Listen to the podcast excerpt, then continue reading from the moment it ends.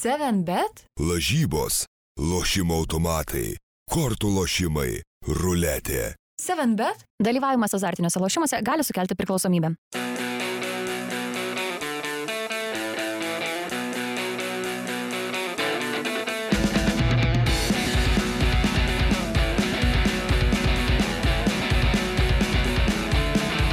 Labas rytas, krieja kamuolys, šį kartą eterija ne pirmadienį, o antradienį ir gerai, nes galėsim apžvelgti čempionų lygos burtus. ir Tikruosius. Abejus.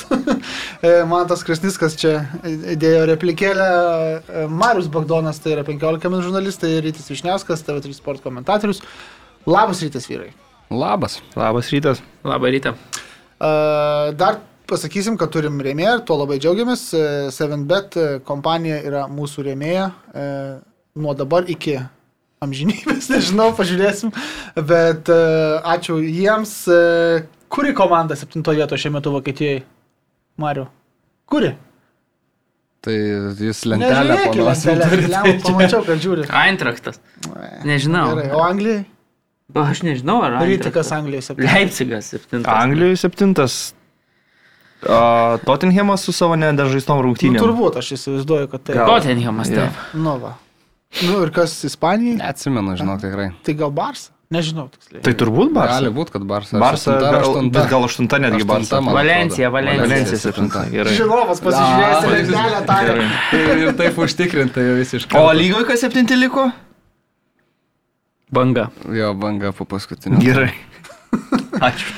Tai va, 7bet mūsų rėmėjas. Mes tradiciškai pradėsim nuo lietuviškų reikalų. E, Valdas Ivanauskas lieka Lietuvos rinktinės vyriausiojų trenerių.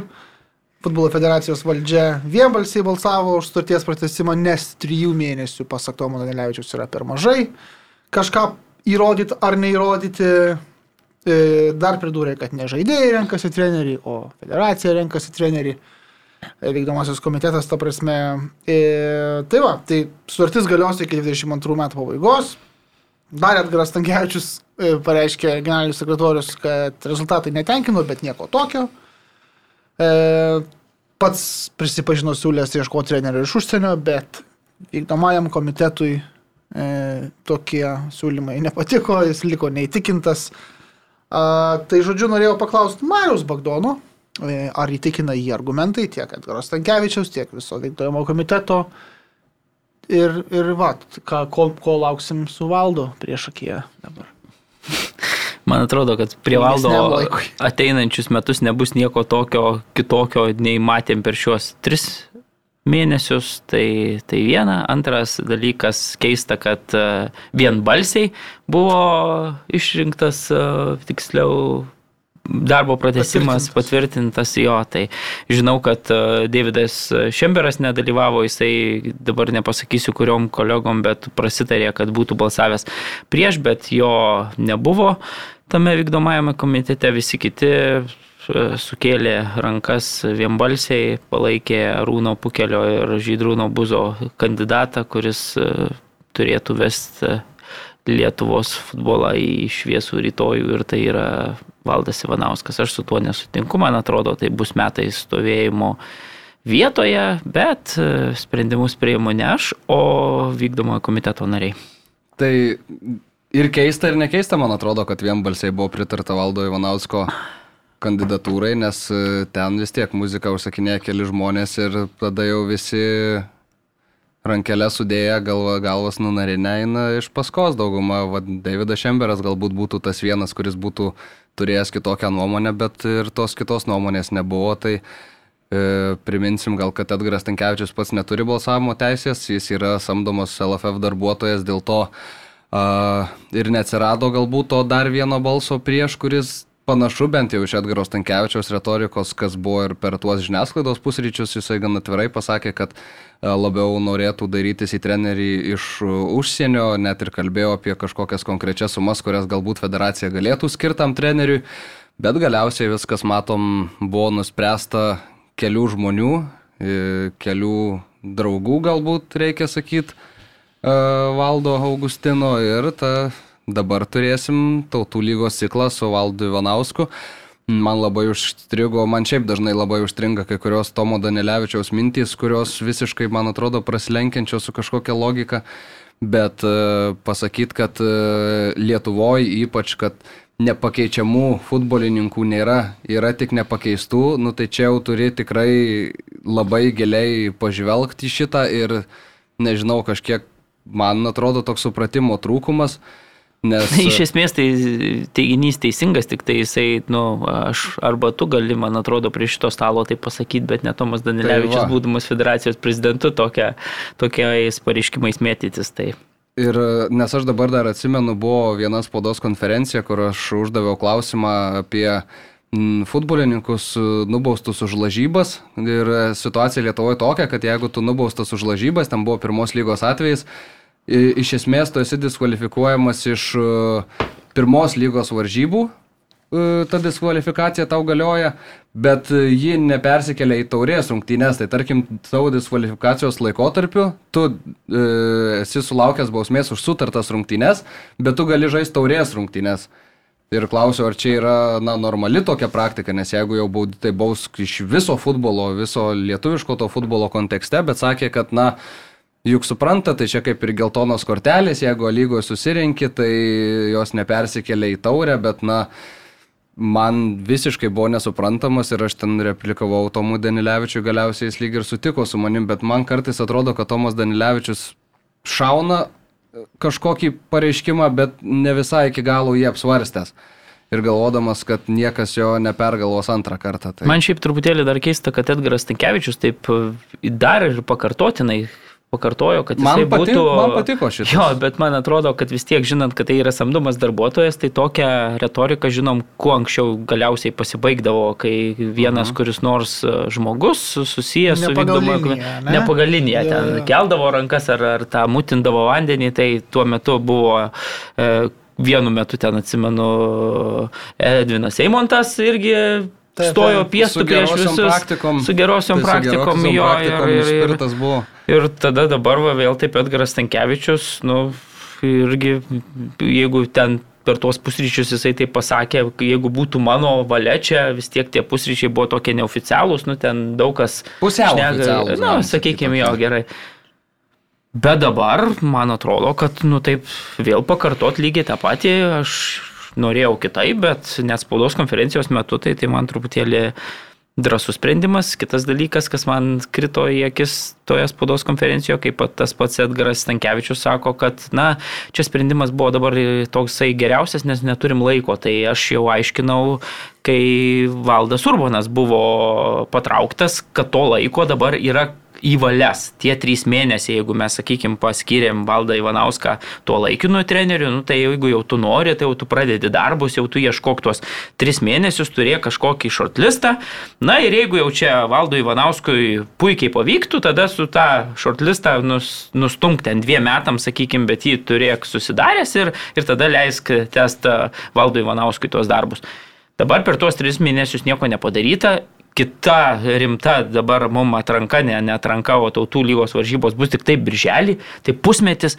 Tai jeigu mes jau, ir jisai sako, kad mes dabar neturim laiko uh, ieškoti čia naujo trenerio, nes jau spaudžia čia nauji metai ir taip toliau, tai jeigu jau mes dabar neturim laiko iki per pusę metų surasti trenerių, tai mes jau tada, nu, ilgesnio... Nu, taigi įima pavyzdį iš Lietuvos Respublikos vyriausybės. Ilgesnio, neužtenka ilgesnio laiko pas- naujam treneriui užsieniečiui surasti mes niekada neturėsim tada. Aš, Aš tik priminsiu, kiek laiko iki savo debiuto buvo paskirtas treneriu pats Valdas Ivanauskas, kai buvo Valdas Urbonas nuimtas.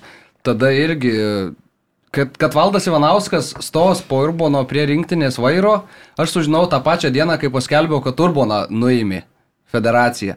Bet tada buvo labai ilgai temta, kol buvo pristatytas Valdas Ivanauskas ir su juo pasirašyta sutartis. Prieš pat realiai ten debutą buvo likusi. jo, bet jau ten, ta, aš atsimenu, net buvo laiko. dar uh, nenušautas žvėris, o jau, jau Taip, visi taip, kiti taip. jau gandai ėjo, kad Valdas Ivanauskas bus čia kitas treneris, užbaigs metus ir taip toliau. Tai, Taip. Nu, Ryti norėjau paklausti tavęs, kaip manai apie kokią valstybę čia kalbam, apie Baltarusiją, apie Turkmenistaną, apie Šiaurės Koreją, ten, nu, apie tą linijų laikymąsi, aš turiu menį ir išsišokinėjimą ir tokį va balsavimą pagal muštrą, kažkokį vienbalsiškumą tokį keistą, sakyčiau. Galbūt ir nereikia viešai ten tų drakių, ne? Bet e, nelabai tvarkingai ir demokratiškai viskas atrodo, ar ne Lietuvos futbolo federacijoje ir ypač vykdomajame komitete, kaip tau atrodo, ar netrodo niekas, nežinau. Susirinkę tinginiai ten ir niekas nedirba. Ta prasme, tai tiesiai šviesiai visada tai buvo galima sakyti, galima pasakyti ir dabar. Ta prasme, norint surasti trenerį, reikia jo ieškoti. Reikia, pirmas dalykas, jisai kainuos daug, tai tai netinka tiem ekonomikos ir biudžetų ten Mokslo komitetų mokslų daktaram jo ir pirmininkam.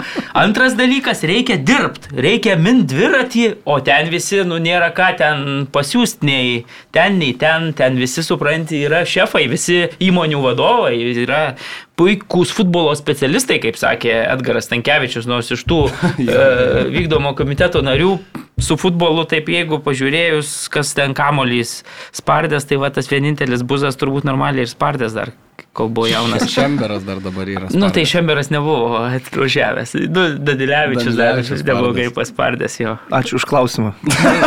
Rytoj atsiprašau, kad čia taip iššokau. Geras klausimas. Man labai svarbu, su kuriuo strategu Lietuvos rinktinė vieną arba du taškus surinks artimiausiam cikle, bet e, man tiek svarbu, kad net negaliu šią akimirką suformuoluoti tokių e, minčių aiškesnių. O vykdomieji komitetai, tai aš nu, manau, kad Lietuva nėra unikali su šitom problemom, kad pagal liniją rankos kilnojamos. Aš manau, kad praėj- praėjęs pro pasaulį rastum, kad didžioji dalyje futbolo būtent federacijų vyksta panašia tvarka pri- sprendimų prieimimai ir Net galiausiai, ir galiausiai tu dar atsimuštum į UEFA ir FIFA, kur irgi, irgi viskas vykdoma yra pagal konkrečiai iš anksto paruoštą planą ir, ir sudėliotus prioritetus. Tai Samuelis Etobėje neseniai tapo irgi Kamerūno futbolo federacijos prezidentu ir savo toj kalboj. Paminėjo Lietuvą? Ne, Ne. Lietuvos ne. nepaminėjau, bet sakė, kad dabar statys stadionus federacija Kamerūno ir, va, žodžiu, tokie reikalai bus. Ir kaip pas mus federacijos rinkimai vyksta, tai arba jau būna išrinkti prezidentai, tai sako, kad e, stadionus statyti ne federacijos darbas, Kamerūne federacijos darbas. Nu, aš Bet aš sutinku su pa- lietuvišku labiau Aš tau galėčiau kitą pavyzdį pateikti iš, iš tos pačios Afrikos, kai e, Dramblio kaulo kranto federacijos rinkimuose Didie Drogba negavo nei vieno balso. Taip, taip, taip. Nes buvo per švarus galbūt. Nu, nepakankamai gal žinomas vardas, Nu, nu. autoriteto trūko gal, žinai, tai. Va. E, Jo, kažkaip gal net ir dirmeikio visai pasilgstų, ne? ne? Mariau, ne? Majonezas gal netokia bloga praktika, palyginus su šitais visais bairiais, nežinau. Dar vienas sprendimas vykdomo komiteto lygoje įvesti reikalavimą, kad aikštėje visada būtų trys žaidėjai lietuviai. Esam kalbėję apie šitą pasiūlymą, kuris dabar virsta kūnu. Kaip jį vertini, man tai? Nežinau, man atrodo, kad čia daug ko labai nepakeis lygos kontekste. Yra gal tik kelios komandos, kurioms šiek tiek reikės pasitemti daugiau su tais lietuviais. Ir tai yra komandos lyderės, kurios ne visada išstatydavo tuos tris lietuvių žaidėjus aikštėje, bet e, visom kitom komandom manau, kad čia jokios problemos nebus. Nebent jau ten, nežinau, traumos nušienautų lietuviškus pasus turinčius žaidėjus ir kortelių prisirinktų ir tada reikėtų kažkaip suktis iš tos padėties, bet e, nežinau, matom, kad ir ta pati Sudova dabar pasėmė vartininką Tomą Švetkauską, pratęsė sutartį su Beneta.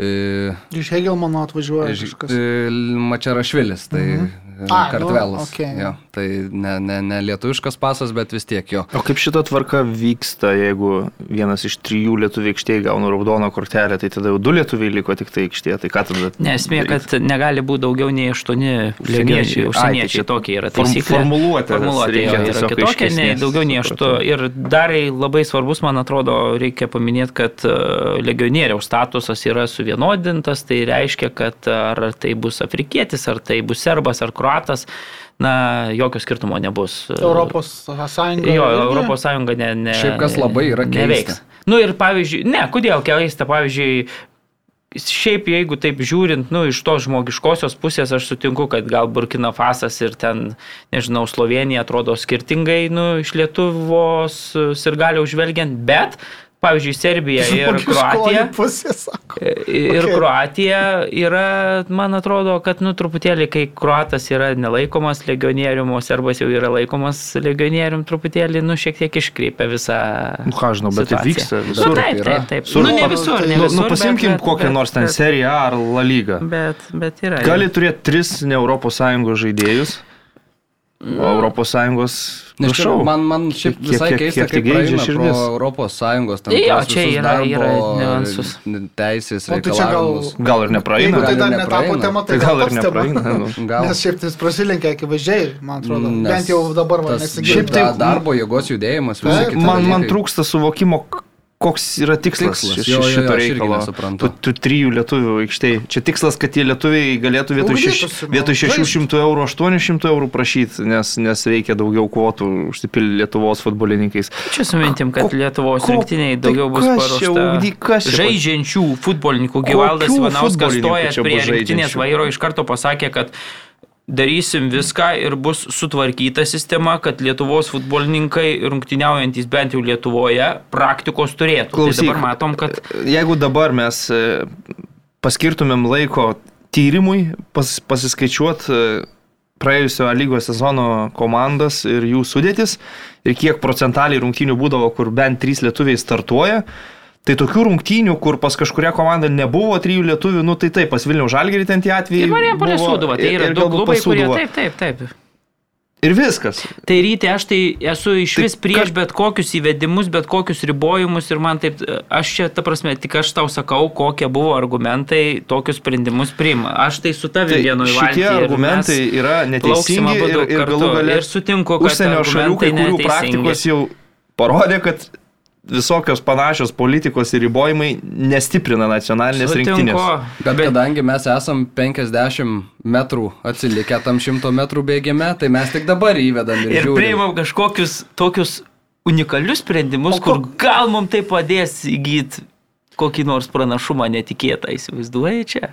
Tai jau dabar reikia priimti nestandartinius sprendimus, nestandartiniais sprendimais. Mes einam tik žingsniuką į priekį, o visi kiti bėga tris į priekį ir atsiliekam. Tai dabar reikia mums nestandartinių sprendimų. Tai vad priimtas nestandartinis sprendimas ir dabar matom, kad vartininkas lietuvis tapo jau prioritetiniu Taip. Tokiu dalyku. Nes Visi visada žais. Dar sezonas vos tik pasibaigęs, jau beveik visos komandos pagrindinės turi po lietuvį vartininką paskelbę, kad pratęsė sutartį ar pasirašo naują sutartį. Nu, bet čia Nusakau, juokinga. dabar šitie žaidėjai yra labai gerai pozicijoje vietoj 600 eurų Taip, reikalauja. vienareikšmiškai, taip, taip. Tai dar kas būtų, jeigu būtų tą U21 įvedę? Tai tada ir tie jaunieji būtų užsidirbę pinigų mūsų. Suprantu, kas blogai užsidirb. Bet Ne, žiūrėk, tai ne, nėra nėra blogai, užsidirbti. Nėra, nėra užsidirbt. prasmės šito sprendimo, jokio, jokios iš sportinės pusės, ta prasme, gerai, neiti. Lietuvos ir Vokietijos aš be abejo nelyginu futbolo situacijos, bet ar nėra, irgi tą patį jau esu minėjęs, man atrodo, bet aš vis dar neatsimenu, kaip ten yra Vo- Vokietijoje, Bundeslygoje ir žemesnėse grandyse.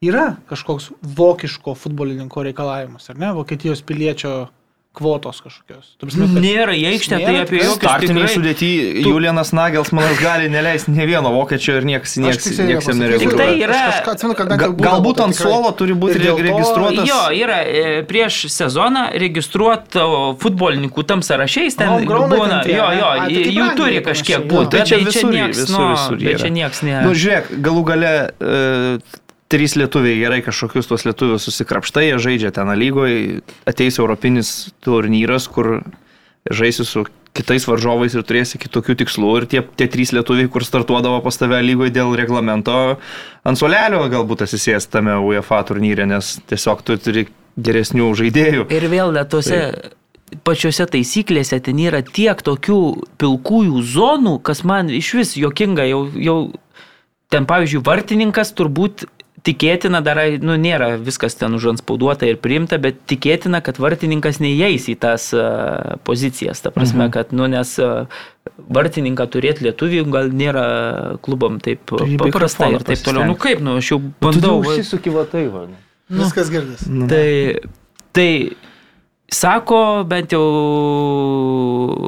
Danilevičius, kad nu, gal vartininkui pozicijai padarysim išimti tenai. Tai jeigu tu vartininko pozicijai padarai išimti, tai labai tikėtina, kad pavyzdžiui, teoriškai tu galėtum pradėti rungtynės su lietuvių vartininku, o tada įleisti į aikštę ir dar vieną legionierių, pavyzdžiui, po dešimtos minutės matydamas, kad, nu, žodžiu, čia... Bet taip, jeigu trumpai drūtai, tai aš manau, kad bet kokie kabinetiniai sprendimai, kurie sukuria situaciją, kada komandos treneris negali pagal save rinkti sudėties ir reikiuoti žaidėjų, nes jį riboja kažkokie reglamentai, nu jie iš sportinės dalies yra kenkiantys.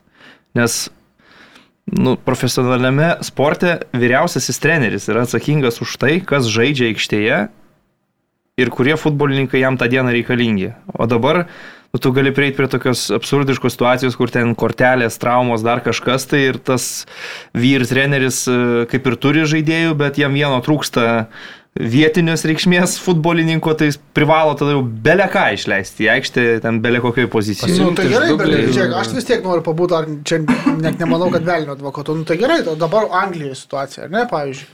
COVID, Covidas jau šienauja ten 42 berots e, žaidėjus ir profesionalų narius per visą lygą. Hmm. Ir, nu, pavyzdžiui, va, bus ketvirtadienį techniškai turėtų būti Leicester City ir Tottenham rungtynės ir panašu, kad Tottenhamas turės 13 žaidėjų. Ir iš akademijos turės imti, o ne iš kažkur Tai pala- kitur Bet kažką. tai čia nebuvo kabinetinis Tai sprendimas. COVID Na gerai, nėra... COVID neparodo, bet tai jeigu tu turi pagal tvarką reikalingą kažkokį homegrown žaidėjų skaičių, būtina komandos sudėtyje registruotoje prieš sezoną, tai ir Lietuva galėtų būti sudėties registruota ir tu akademija Klausyk, akad... būtų argumentas. akademijos žaidėjai visų pirma... Argumentas turėti stipresnę akademiją negu turi. Akademijos žaidėjai visų pirma į paraišką neįsiskaičiuoja 25 žaidėjų, kuriuos tu sezonui tu gali akademijos žaidėjus kada nori, ko, kokiais nori kiekiais e, lieti savo sudėti. Su anglais lyginti čia iš viso, nu, viršūnė, ta prasme, nu, iš vis COVID situacija, tai čia vienas dalykas, force majorinis, akademijos, iš kur tos akademijos jums ir atsiras tai, kad, Nu, nu, tai reikia, ar, ar nereikia jų kurti?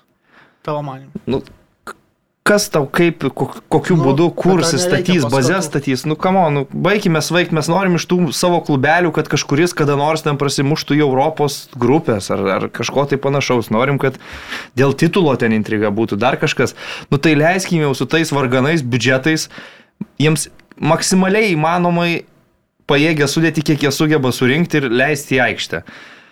Rinktinė niekiek nesustiprės nuo šito sprendimo nei 3 metų perspektyvoje, nei 7, nei 9, nei 11. Nu, man tai čia yra abs- absurd, absurdas. ats- Atsiminkim, kad ir tuos e, suduvos žygius iki playoff etapo atrankoj, ryškiausi visi žaidėjai to, tų žygių trejų metų išėlės buvo legionieriai. Tai buvo Paulius Golubitskas, buvo po keitimo kartais ten Eligijus Jankauskas išeidavo į aikštę, Gedrius Matulevičius, kuris, na... Verbickas, bet- nu negali, negali sakyti. Nu. Bet e, tu galvodamas apie tai, tu atsimeni Topčiagičių, Kerlą, Švirliūgą ir visus kitus. Taigi, Tai jeigu man- taip sąžiningai paėmus, taigi ne vienas iš šitų klubų neturi tikslo, kad nežaistų lietuviai. Tai jeigu būtų gerų lietuvių, įperkamų lietuvių, tai ir žaistų tie lietuviai, bet, nu, jų yra labai mažai rinkoje rasti pajėgų lietuvių futbolininką. Gana sudėtinga. Man tai rinktinės lygį. irgi esminis sakinys pas rytyvą buvo labai teisingas. Man atrodo, kad futbolo yra esmė su kuo mažesniais resursais pasiekti kuo geresnį rezultatą. Ir ta prasme, čia yra futbolo, nu, kaip, nežinau, futbolo vadovo, futbolo klubo savininko, toks yra tikslas. Ir kai tu dabar turi, ta prasme, pagal vienas taisyklės žaisti Lietuvoje, pagal kitas jau taisyklės turi žaisti Europoje, tai man atrodo, kad mes patys savo prikaišiojam pagalių į ratus ir tada mums ten mes skundžiamės, kad mūsų čia klubai nesugeba pereiti vieno ar dviejų atrankos etapų ar taip toliau. Tai man atrodo, kad, va kaip rytis sako, su tais ribotais biudžetais, nu mes jau pasitelkim ten kažkokius vadybinius, agentinius įgūdžius savo ir suburkim, nu, iš tų serbų ten ar kruatų, nu, jokio skirtumo. Sudėti, Gerai, kurie klausimas toks, ko, būtų konkurencinga tada... ir galbūt praeitų kažkur. Ok, viskas ok, bet kokia tada, jeigu federacija turėtų patraukti nagus nuo visokių dalykų, va tokių... va- Nekišt reikia nagų. Gerai, Kas čia? nu tai aš sakau, Patraukt. palauk. Patraukt tik tai tada Tai jau gerai, turi, kai prie kažko prikišai. Tai. Nereikėjo prikišti. jau kiša, tai sakau, jeigu yra akivaizdu e, noras iš, sakykime, mūsų, kad patraukti tie tie nagai būtų, tai ką tada jūsų manimų turėtų ar gali federacija daryti vardan futbolo stiprėjimo Lietuvoje? Ką turėtų daryti? Ir kuriuose srityse? Futbolo srityse. Tai galima, kad ir per šitą pačią legionierių ir lietuvių aikštėje prizmę, tu taip pat gali daryti dalykus. Tai pavyzdžiui, kas ir yra daroma, kuo daugiau leidi lietuvių ar jaunų futbolininkų į aikštę, tuo sezono pabaigoje gauni didesnės išmokas. Tas taikoma ir kitose šalyse, tas yra taikoma ir, ir Lietuvoje. Ir iš tų surenkamų legionierių mokesčių, kuriuos moka klubai už tai, kad žaidžia užsieniečiai, gale sezono procentaliai išdalinamos pinigų sumos klubam, kurie daugiausiai rėmėsi lietuviai žaidėjais.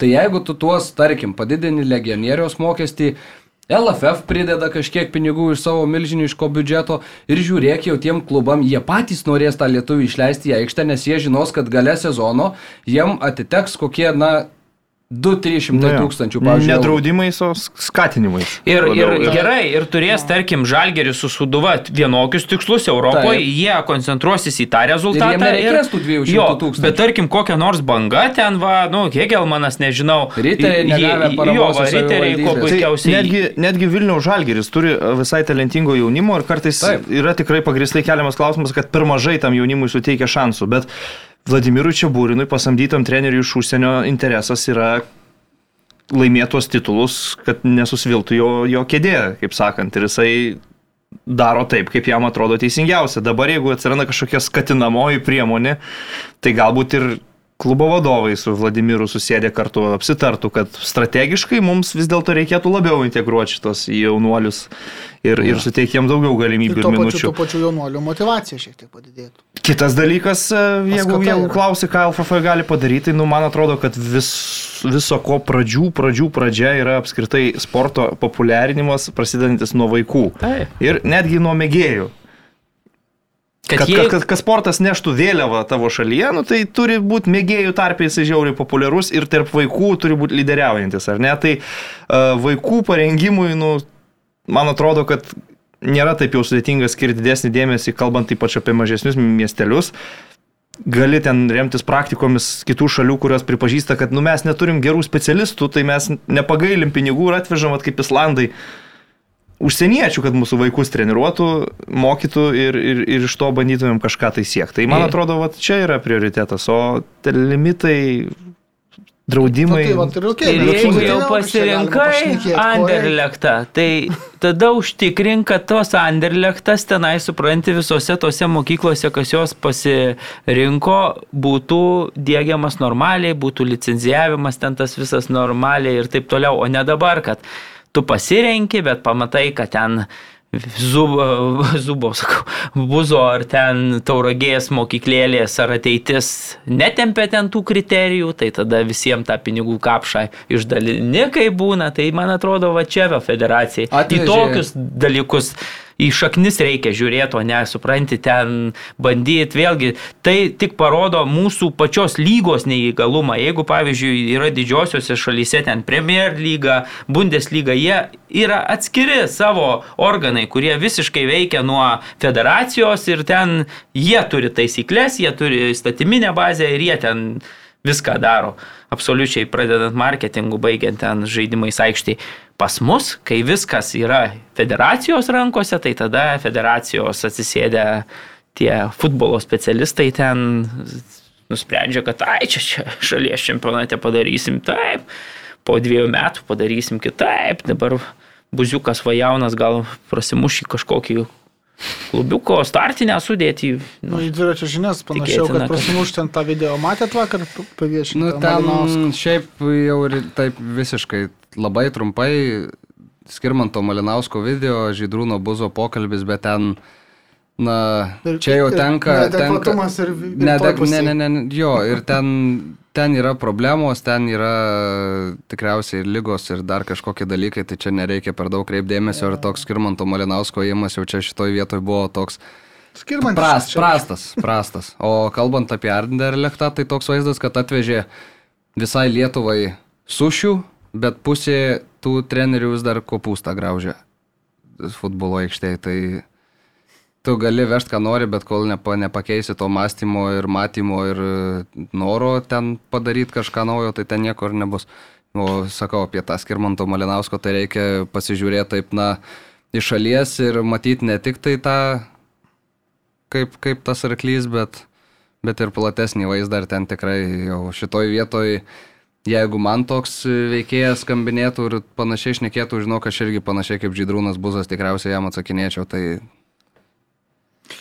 Beje, kai buvau dar studentas, tai būdavo informacija vis pasirodanti, kad Lietuvoje vaikų futbolą daugiau žaidžia negu krepšinį, kažin kokia. Tai dabar, man situacija. atrodo, masiškumo, Mhm. masiškume. Pagrindai yra kažką Tai tai galbūt- galbūt to, bet... Tai Taip. taip ir yra. Nu. Futbolo komandai vaikų daugiau reikia nei krepšinio. Nu, taip, taip. Aišku, tai aš ir sakau, kad e, jeigu ten kažkur provincijai, nu nėra trenerių normalių, nėra specialistų, kurie tos vaikus ruošia ir moko, tai skirk iš savo biudžeto lėšų pasirūpint, kad būtų tokių specialistų. Ir jeigu lietuvių nėra, tai samdyk užsieniečius. Mokykis iš jų. Ir kad apie Atidaryk tuos- duris, nu bet... tuos mėgėjus kalbant, nu, va, pavyzdžiui, mano bent jau aplinkoje, čia 15 min žaidžiam futbolą. Futbolę surink žmonės, kurie nori pažaisti.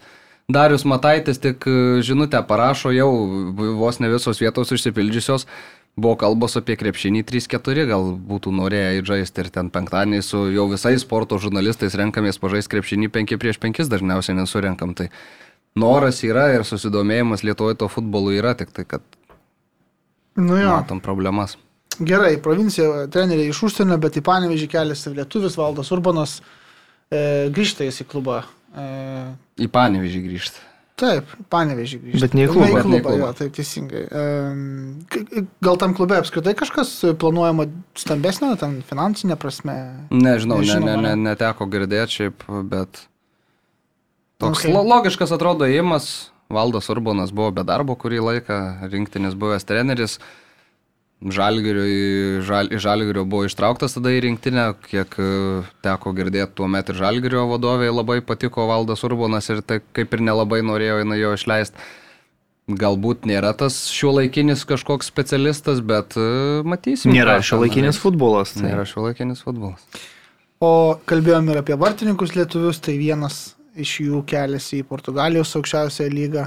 Šeštąją ar penktąją? Šeštąją pagal. Šeštąją dabar. Šeštąją pagal pajėgumą Europoje. E, to lygo iki šiol buvo debutavęs tik vienintelis lietuvis Edgaras Jankauskas. Dabar Emilijus žais Aruca, Aruka klube, kuris reikiuojasi man kažkur vidury į Portugaliją, biškiai žemiau negu vidury į Portugalijos čempionate, ar ne, Mariau, tu žinai geriau. Jisai reikiuojasi šiuo metu aštuntoje pagal mane vietoje, tai kadangi žinant, A. kad e, komandų Portugalijos čempionate yra 18, jeigu aš Tai dabar aukščiau gerai atsimenu, tai jis jo. labai neblogai, bet Išėjęs išėjęs. 11 vietoje. Tai vakar sulažaidė. Taip, turbūt vakar- Buvo, vakar. buvo iki šio turo aštuntas. Tai, Nu. tai va, tai... e, Nes Marius paėmė interviu iš Emilijos. Geras. to- Geras Išsiemė vakar beje keturis įvarčius Bet, e, ekipą, bet e, lietuvis buvo buvo atsarginių tai- suolo. Tai nežaidė. Tai va, esmė ta, kad šitas klubas išėjęs iš mm, žemesnio diviziono ir šiemet e, tikslas bent jau prieš sezoną klubo vadovų buvo išlikti lygoje. Kol kas, vat, sužaidus e, tą nepilnai pusę čempionato, labai neblogai sekasi, yra vidutinioka ir sakė pats Emilijus, kad na, pakovoti su tais e, penkiais didžiaisiais klubais, tai ba, e, Braga, Gimarainso Vitorija ir Porto Porto bei, bei. Lisabonos abiem nelabai yra šansų ir jau jeigu juos iš to penketo iš, iš, išmesta kas nors, tai jau yra didžiulė staigmena. Portugalijos čempionate, na, o, o dėl visų kitų, sakė, galima kovoti su, su, su visais kitais ir tą rodo pirmoji sezono pusė. Tai pats Emilijos sako, kad kai atėjo toks pasiūlymas, tai per daug net nedvėjojo, sakė, iš karto vis tiek Portugalijos čempionatas, dar klubo vadovai e, susiskambino vaizdo skambučiu, papasakojo ir vartininkų treneris, kaip įsivaizduoja lietuvių savo komandoje ir taip toliau. Tai sako, lyg tai taip žadama pagrindinio vartininko pozicija. Bet sakė, visi taip žada. Jo, bet visi tai žada, tai, tai labai taip, nu, tikrai šiltai Vilijus pabedravo, nežinau, reikia palinkėti sėkmės ir tikiuosi, kad, kad Portugalijos čempionate, nu, gaus e, šanso ir, ir įrodys, e, ko yra vertas. Metu Panevežėtis beje. Paskutiniu metu berots rinktinė nebuvo.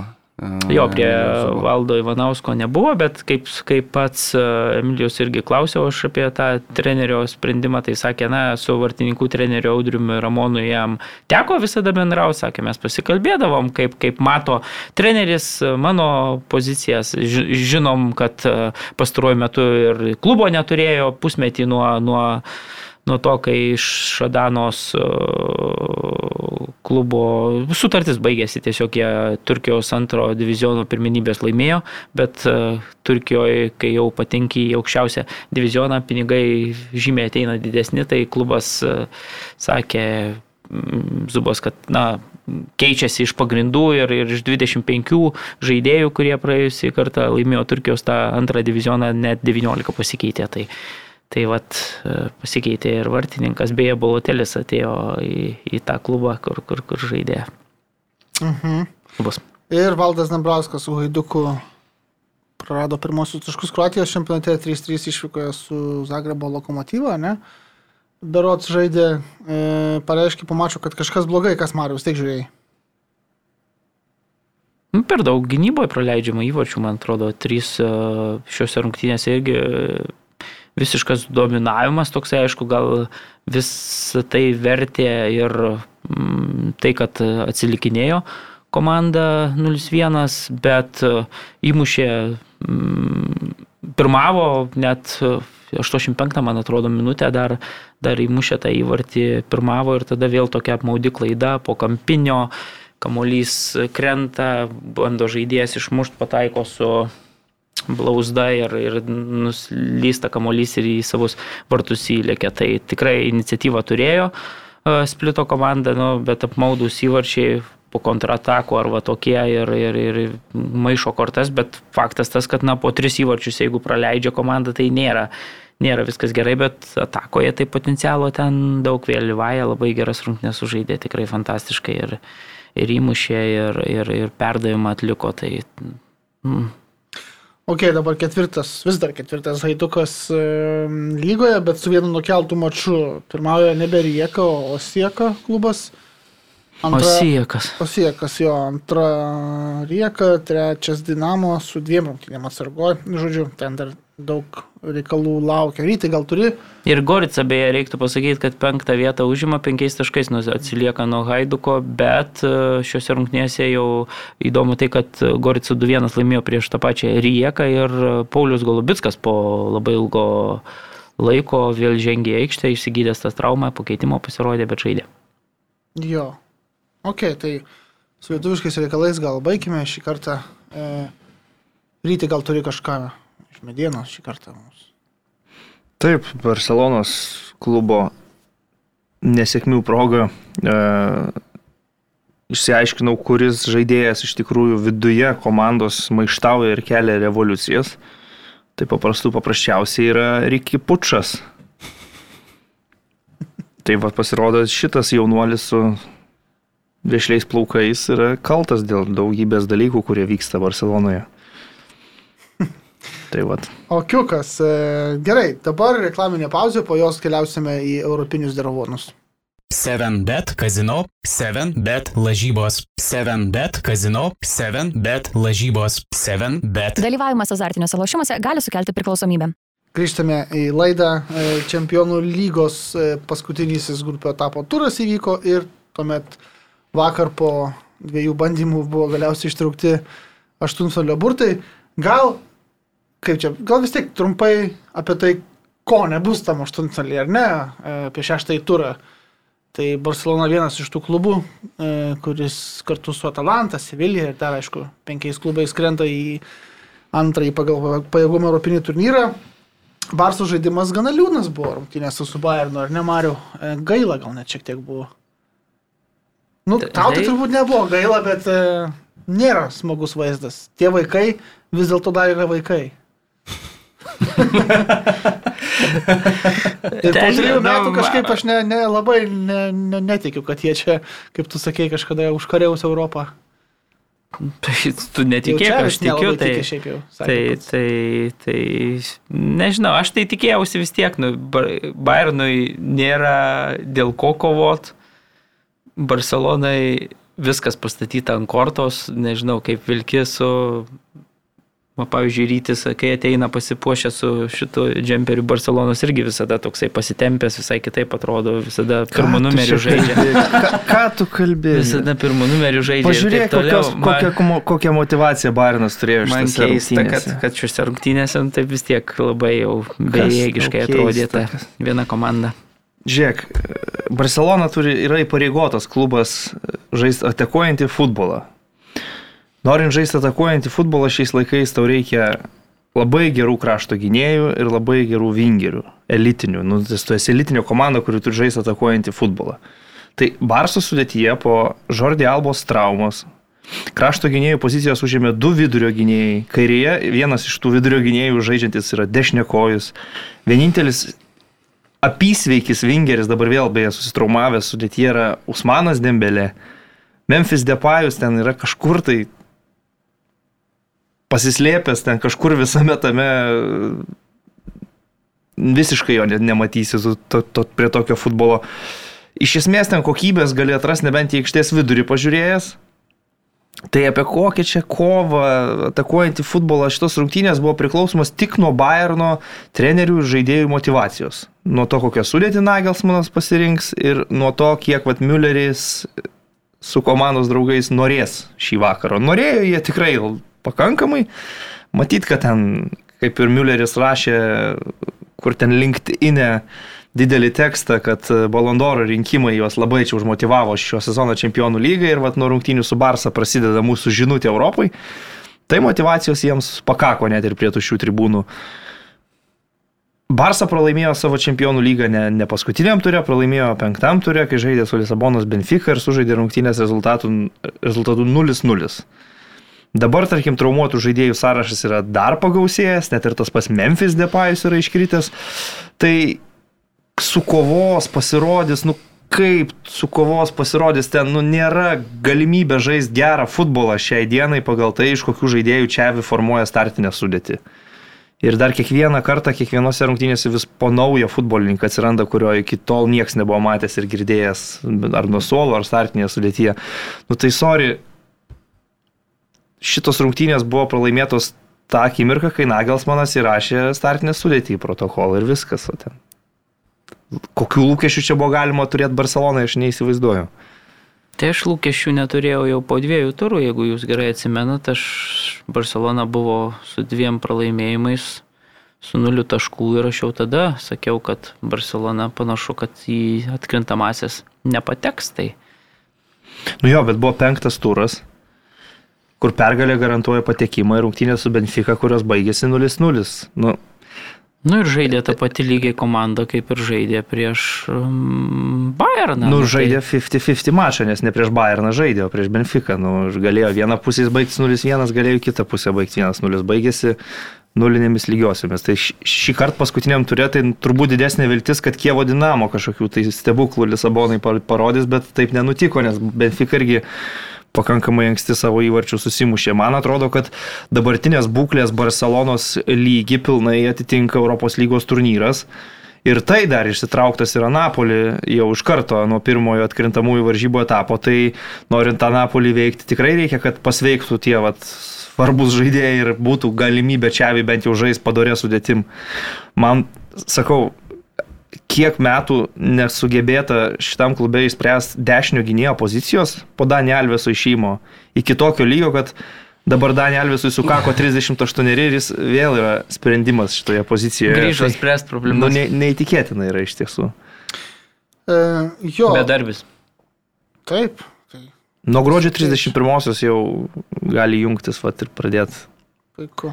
ginti garbę. Bet kiek aš uh, skaičiau visokių analitikų, ypač Ispanijoje, e, nuomonių apie tai, kai baigėsi grupė etapas čempionų lygoje, dėl Barsos taip didelios nuostabos net nelabai justa, kad jau ten jau taip su Benfica buvo susiklošius šios rungtynės penktame turė, tai nelabai kas ir tikėjo, kad ten galima kažką Mülchenė išpešti, bet daug kas kilnoja tikrai nejokingai antakius dėl Sevilijos, pasirodymo, nes komanda yra viena šiuo metu pirmaujančių Ispanijos čempionate ir grupėje žaidė tikrai ne pačioje, švelniai tariant, stipriausioje čempionų lygoje. Yeah.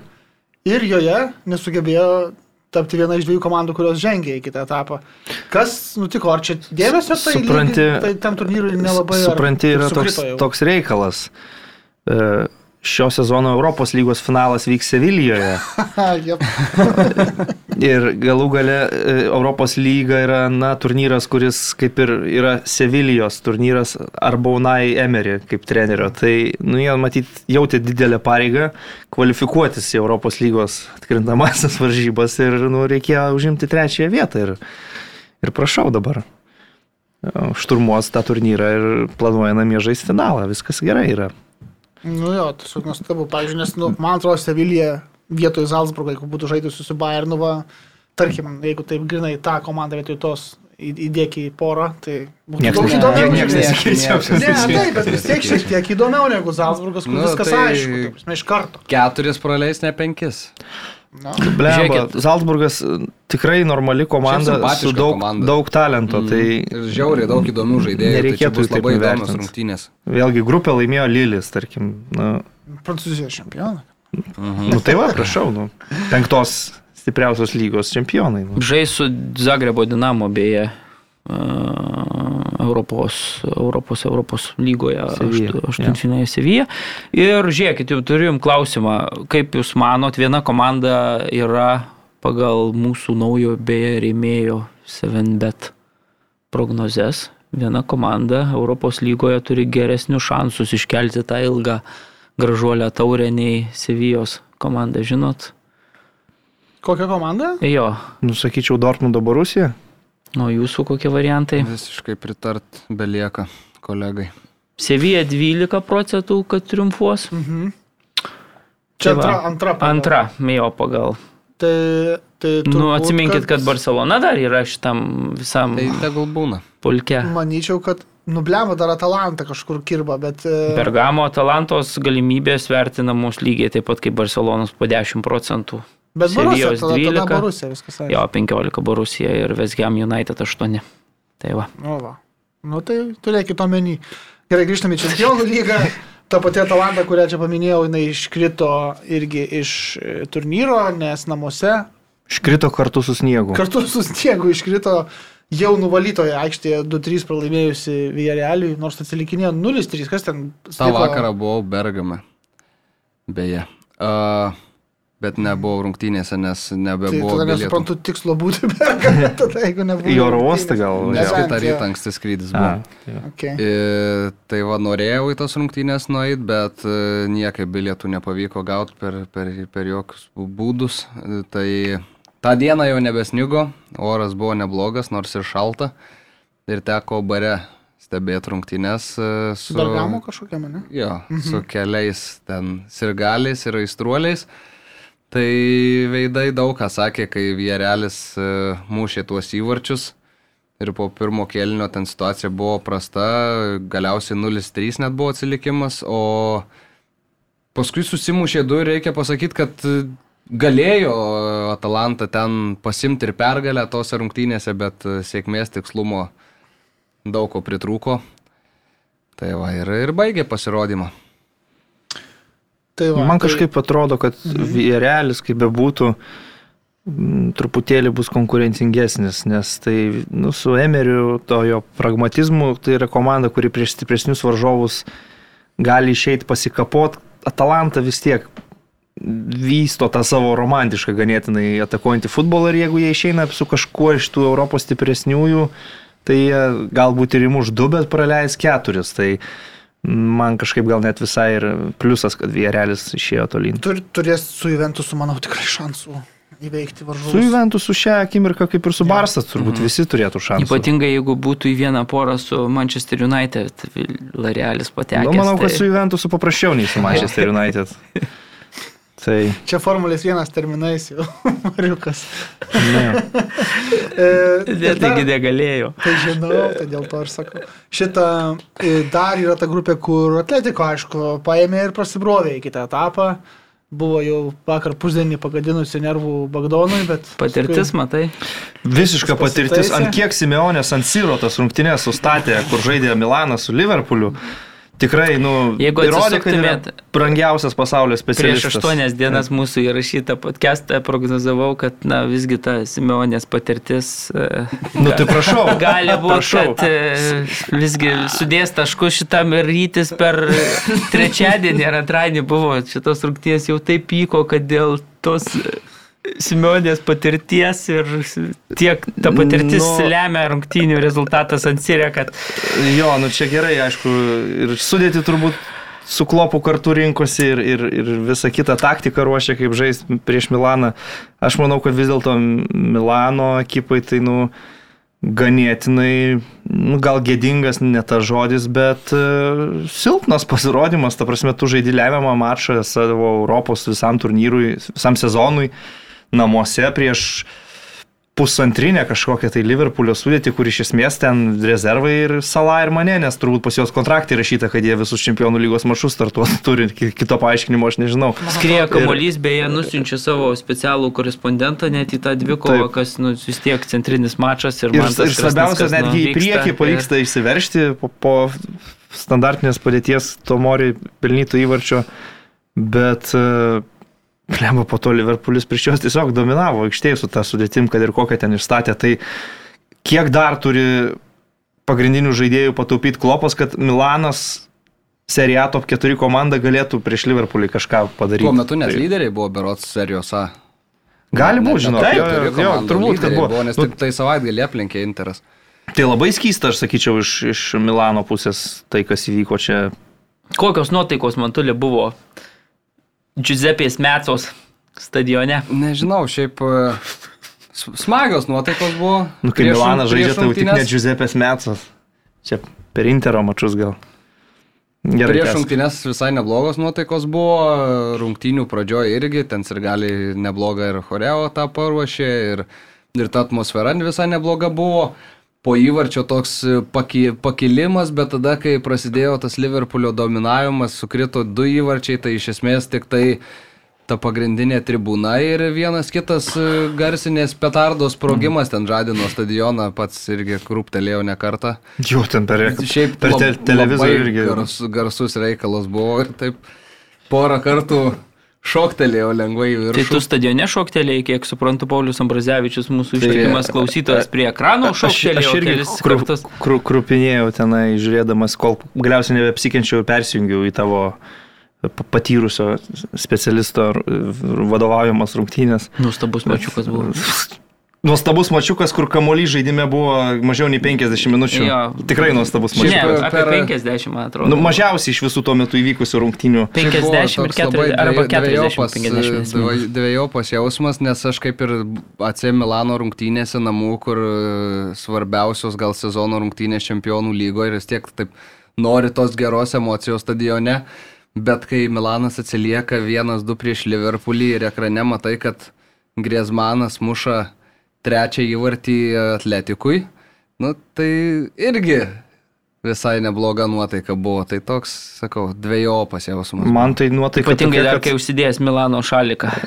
Nu tai reikėjo pasipuošti einant į šventę. Man tai tokia nuotaika ten, kad e, k- kažkoks jaunuolis pavardė Mortonas atvažiavęs į San Siro atrodo kaip, kaip Clarensas Ziedorfas Milano geriausių laikų, o e, Natanielis Philipsas, e, tas išeiginis vidurio gynėjas klopo kaip maldinis e, tvarkosi baudos aikštelėje. Nu tai tikrai liūdna iš Rosonieri pusės. Jo, O- bet šiaip žinant irgi, va kaip, pavyzdžiui, Bayernas prieš Barsą, nu, turėjo, kaip sakai, tos motivacijos, Jo, jo, jo. jie norėjo. Liverpooliui, nu, visiškai nesvarbios tos rungtynės buvo ir jiem, ar jie praleis tą Milaną į kitą etapą, ar jie išmes galbūt Atletiko, kas irgi būtų, man atrodo, nu, Klopas paslaugą Europai galėjo padaryti. Jo, Kodėl, bet man Atletico. atrodo, visų tų komandų yra tikslas Tai laimėt iš visas šešias rungtynes. O dar, o dar ir istorinis pasiekimas, nes Liverpoolis tapo pirmąją, pirmąją pirmąja. Anglijos komandą, kuri Ar šitą... tik pirmąją? Man atrodo, kad ne Taip. pirmąją. Man Gal atrodo, kad iš šį sezoną iš jūsų trys- laikinės, tai laikinės čempionų lygos istorija nuo 92 tai yra pirmas Ne, Anglijos tai- klubas, kuris... Tai tie žaidėjai, etapą kur baigė išėjo aikštę, tai jau išėjo, aišku, žaist, bet nu, tai nebuvo kovinė sudėtis paprasčiausiai, tok, toks Ja. pointas. O ta- tavo atletiko ir portų tos rungtynės, nu tai... Vat aš nemačiau, papasakokit, kas buvo ten. Nes aš mačiau. Geras tik- Mardabojus ir, ir, ir viskas. Ir, ir Buvo. Įspūdingas įvartis po kampinio ir po to buvo įspūdingų raudonų kortelių šou. Ypač Vendeliui porto žaidėjai parodyta raudoną gavo? kortelę. Nu, patirtis suveikė. Nu, patirtis suveikė. Si- Simeonės ir jo auklėtinių patirtis suveikė. Ir teisėjo nepatirtis turbūt, taip reikėtų sakyti. Mm. Nežinau. Gerai, gal perinamės prie tų burtų. Jau dabar jie pereinam. šviežiausias reikalas. Beviltiškos rungtynės buvo iš tikrųjų. Vakar iš pradžių buvo ištraukti vienokie burtai, tada paaiškėjo, kas. Paaiškėjo, kad e, vieną kamoliuką pamiršo perkelti iš vieno bliūdo į kitą prieš tam vienos paros traukimą. Kaip- Man šis Tu neteisus. Tai kaip ten buvo? Tai buvo išorinė programinės įrangos tiek, Ai, tai aš mačiau po to, tiekėjo ką klaida. taip, o tu taip. čia perkelė kamoliukus, tai yra išorinio programinės įrangos tiekėjų. klaida. Vargšas Andrėjus Aršavinas nepelnytos kritikos susilaukė viešoje erdvėje. Nu gerai, kaip be būtų pakartoti, buvo burtai po 3 valandų, vakar jau po piet, visi, kurie buvo parašę, e, žodžiu, prognozes ar apžvalgas tų porų, tai turėjo teko jas peršyti. E, Komentatoriam teko suktis ir grįžti namo atgal burtų Tai komentarų. ar šavinai gal skrydį nukelt reikėjo, nežinau. Aršavęs, manau, ten viešbutuką pasiemęs. Manau, šiaip iš Gerai. Šampaniukas. Visa kita. Gazpromą žinai, vie- ten. Taip, taip ir anaip. Tai gerai, pailitų tos poras galima apžvelgti, kaip traukia, taip ir suvardinsiu. Labai trumpai tada e, favoritus paminim. Salzburgas Bayern, Na tai tesk. komsi komsa, ne? Nežinau, kokie procentai yra suskirstyti, bet mano Aš procentas... procentų ne, šešį kartą ne, ne, ne, ne, neturiu. Ta Mano procentas būtų 99,8 prieš 0,2, nes turiu palikti kažkokią tai viltį, kad Nulis gali. Ką? Jeigu kablelis 9,8, tai 0,02 procentų. 99,8. Sugaižom 10 sekundžių. Ai, Okay. atsiprašau. 99,8. Tada teisingai. Nes turiu Tada 0,2 procento palikti tikimybės, kad Bayerną gali ištikti stichinė nelaimė ar kažkokie baisus dalykai ir nu, Salzburgas praeitų į kitą etapą. Tai tam, tam, Tam tokie jau turi būti stichinės. nu, tai tam dalykui tu turi būti nusimatęs tiek kažkokią tikimybę mažą labai. Tai čia okay. panašiai kaip kad klop atleis iki sausio pirmosios. Tai. Nerimauju, matau. Nu, Kad vis čia. tikrai, tikrai jau matau juodi debesis virš, virš klopo kaupęs ten Enfield'e. Tai viskas, nu, daugmaž bent jau pagal dabartinę situaciją, vasarinė gali, aišku, būti pasikeitusi, bet... Dar Nelabai. palaukit, gali. dar aišku, gal ne vasarį, čia viskas gal to Europoje dėl COVID-uko. taip Šiaip sustos, Bayernas kad- dabar turi daug nuostolių ir trūkstamų žaidėjų ir Tai dabar, tarkim, Ne vasaris. Tai, Tai jo, bet tiesiog dabar ten Vokietijoje, tarkim, žaidžiant va dvigubą savaitę, tai jau yra gal problemų su startinė sudėtim, bet, e, nu, čempionų lygas, Altsburgas čia nejuokaujam su tokiais. okay. E, Lisabono sportingas Manchester City. Prieš tai City buvo išsitraukę Villarrealį. Kuri Jo. komanda, sakykime, ryte, kaip tu manai, tau e, palankesnė City? Manau, kad Vierelis būtų sunkesnis varžovas iš tos pusės, kad tikrai Emery paruoštų planą, kaip komanda turi kentėti ir kautis aikštėje, o Lisabono sportingas, nu vis tiek, aš kiek grupė tapėjo žiūrėjau, nu jie žaidžia atvirą futbolą ir ir Ajaxas ten jiems skaldė po penkis ir, ir tiesiog galbūt Dortmundo Borusijos nesėkmės taip nulėmė, kad Lisabono sportingas iškopė tolyn, tai manau, kad šiuo atveju pertraukimas burtų net į naudą išėjo Guardiolai ir Mansičiui. Ir, nu, čia irgi turbūt net 99,7 prieš 0,3. Bet trenerių kokia dvikova bus. Vienas jaunas genijus, kitas geriausias pasaulyje. Tai. Okay. E, Ajaxui turbūt burtų pertraukimas irgi naudą išėjo, prieš tai turėjo būti varžovas Milano Interas, dabar bus e, Benfica. Vis tiek turbūt, man atrodo, silpnesnė komanda negu Interas, kuris taip jau pirmauja Italijoje.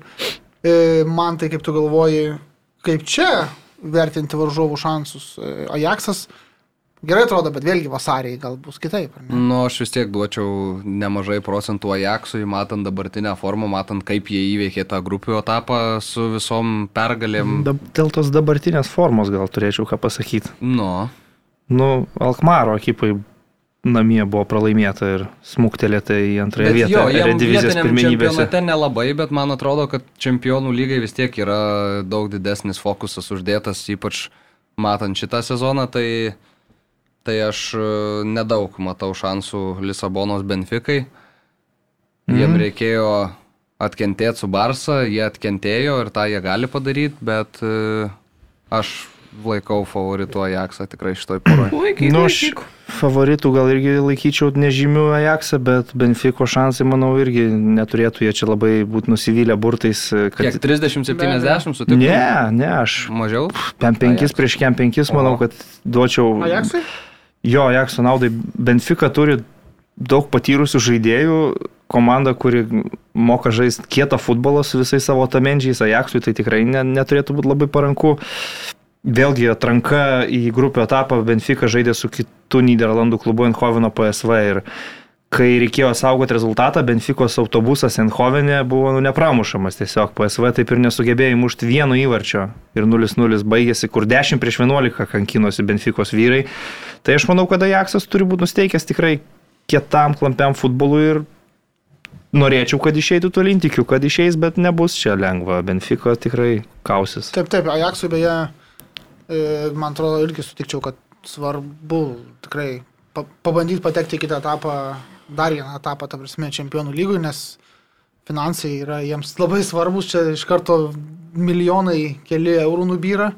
Nu, bet ir Erediviziją laimėti yra svarbu. Ne, be abejo, taip, taip, taip, Tai- bet, nu, aš kažkaip kiek jie antroje vietoje atsilieka dabar, ar ne? Nu, nedaug jie atsilieka, bet vėlgi, nu, ten jie pastovi, pastringa prieš kokį ten Go Ahead Eagles sužaidžia 0-0, arba dabar Alkmarui pralaimi behind 1-2, Eagles. bet žaidžia stipriausia sudėtim, žinai, nu, tai. Mm, nes Edinas Vandersaras čia praėjusią savaitę, ar ne, jis kažką pasisakė apie tuos finansus, kad paminėjo Premier lygos klubus, didžiosius Ispanijos, Italijos klubus, kad iš televizijų teisų ten susirinka 30-40 milijonų eiliniai. 80. Eiliniai klubai stipresni ir daugiau. Mes sako 9 milijonus, tai antrą tiek va iš Ir tokių mes va neturim šeikų, patekimų. sakė. Ir neturim šeikų, taip, tai normalus klubai ir neturi. E, toliau, e, Chelsea Lille buvo abu du kartus išsitraukti Prancūzijos čempionus Londono e. Mačiau, mačiau gerą Facebook'e Čelsio. Mhm. Matei, ne? Kur nubraukta. Jo, nubraukta, žinai, su, Liliu ir tada vėl pertraukimas ir vėl tie patys, žinai, tas jau, nu, Tai, tai, bet jiems labai, labai gražiai palanku, taigi padaryta. Ten Eurostaras sėdi, šnai, tu esi Lilyje iš Londono ten per valandą laiko. Nu, žiauriai patogu fanams, tai ta prasme, jeigu jiems leiks važiuoti, aišku, bet e, čia aiškiau turbūt nelabai gali būti. Nu, tu tie pirmi du. Nu, žinant tai, kad Chelsea susimovė paskutinėme etape ir Nu, sugebėjo su Zenitu sužaisti 3-3 ir vietoj pirmos vietos smuktelėjo į antrą, tai jam čia kaip aklaivištai grūdas nukrito šitie burtai. Nu, taip, taip. Kad Aišku, du kartus dar. Jau kad du kartus įsitraukti. Lilį, tai nu, manau, kad iš tų antrų vietų visi norėjo Lilio, daugiau ar mažiau, tai nu, praėjusią sezoną čempionams kliuvo.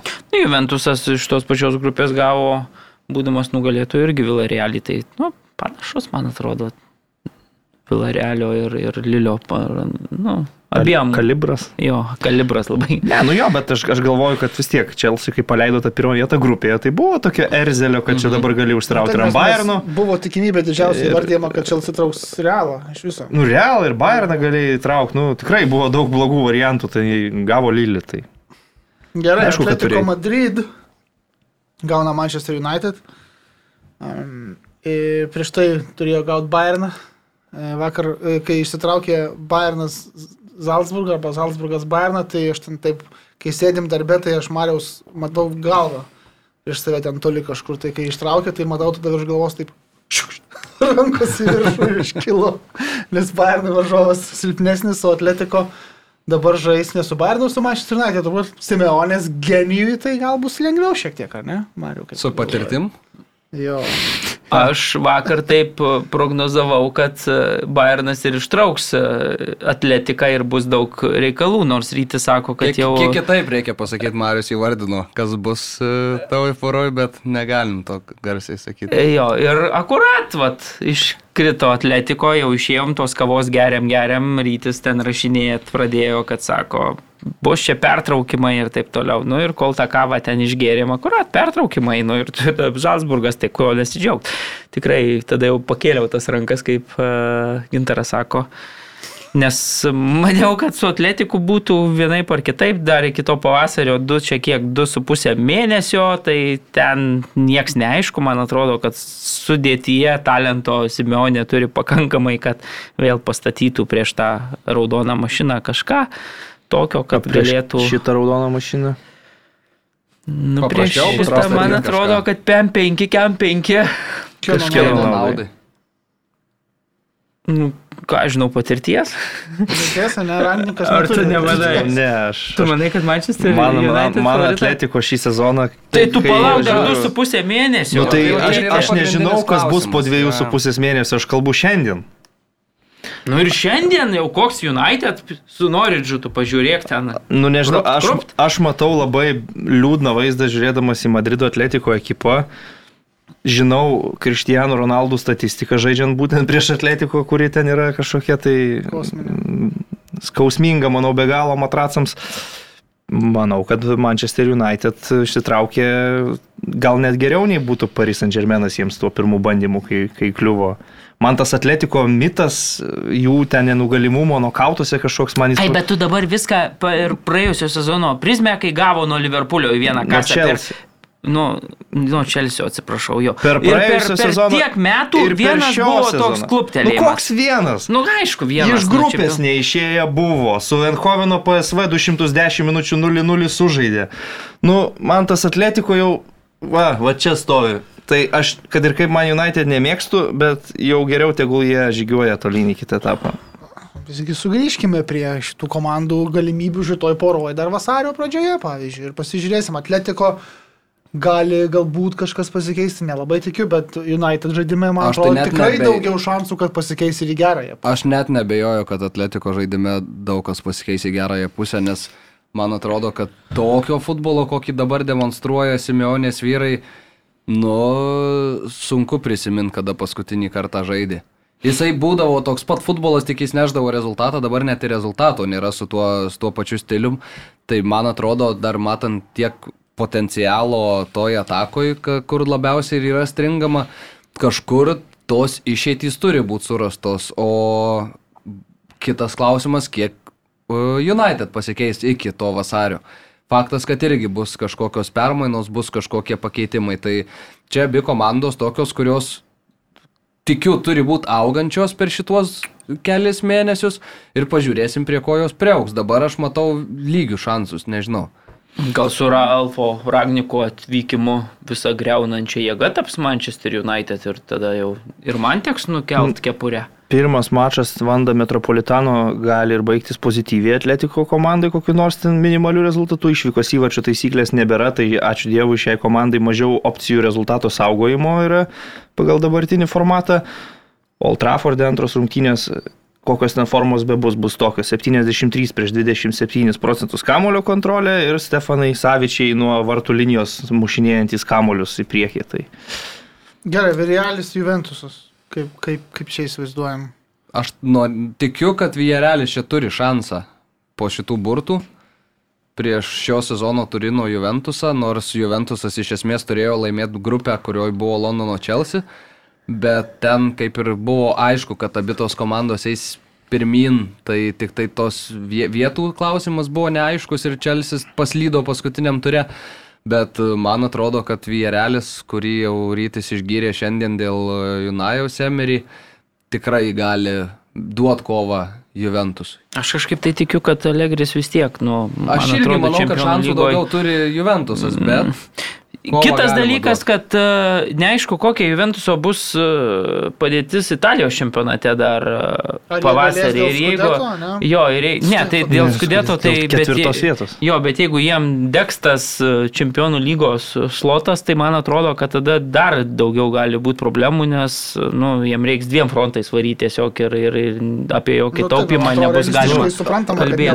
Aš tai sakyčiau, čia toks- esminis klausimas tai yra, kokios sudėties bus Turino Juventus, nes pavyzdžiui dabar, kai aš matau šitą komandą be Kiezos ir be Dibalos, Mhm. Nu tai jam žiauriai trūksta kokybės, bet e, jeigu Kieza ir Dybala pasveiksta, atsigauna ir gali žaisti gerai šimtų procentų, tai, nu, manau, jie visiškai kitaip tada atrodo e, pagal savo potencialą. Tai čia irgi toks gan svarbus momentas, kad nuostolių daug yra turinė šiuo metu. Aha. Milano internacionalė Liverpoolis. Tai jau man atrodo pamatėm Liverpoolio galimybę žaidžiant prieš Italijos komandą lyderę. Antra sudėtimi, tai kai bus pirma sudėtis, bus dar įdomiau. Mm, Simolė Inzagė turi priešnodžių kažkokių? Mario, kaip tu manai, ar kažką gali, kaip kažkada jau Moisas čiukšt kaip sakė, ir suviniojo klopą tipo, tai gal ir Inzagė gali kažką čia apšti. Bet čia du kartus reikia vinioti lemba. nu, žinau, kad jūs ne, netikėt, aš norėčiau tikėti, bet... Bet čia jau bus bet... kitas treneris Liverpoolio, ne Mario? Nu, turėtų būti jau, jau, jau. Asistentas. Pepas.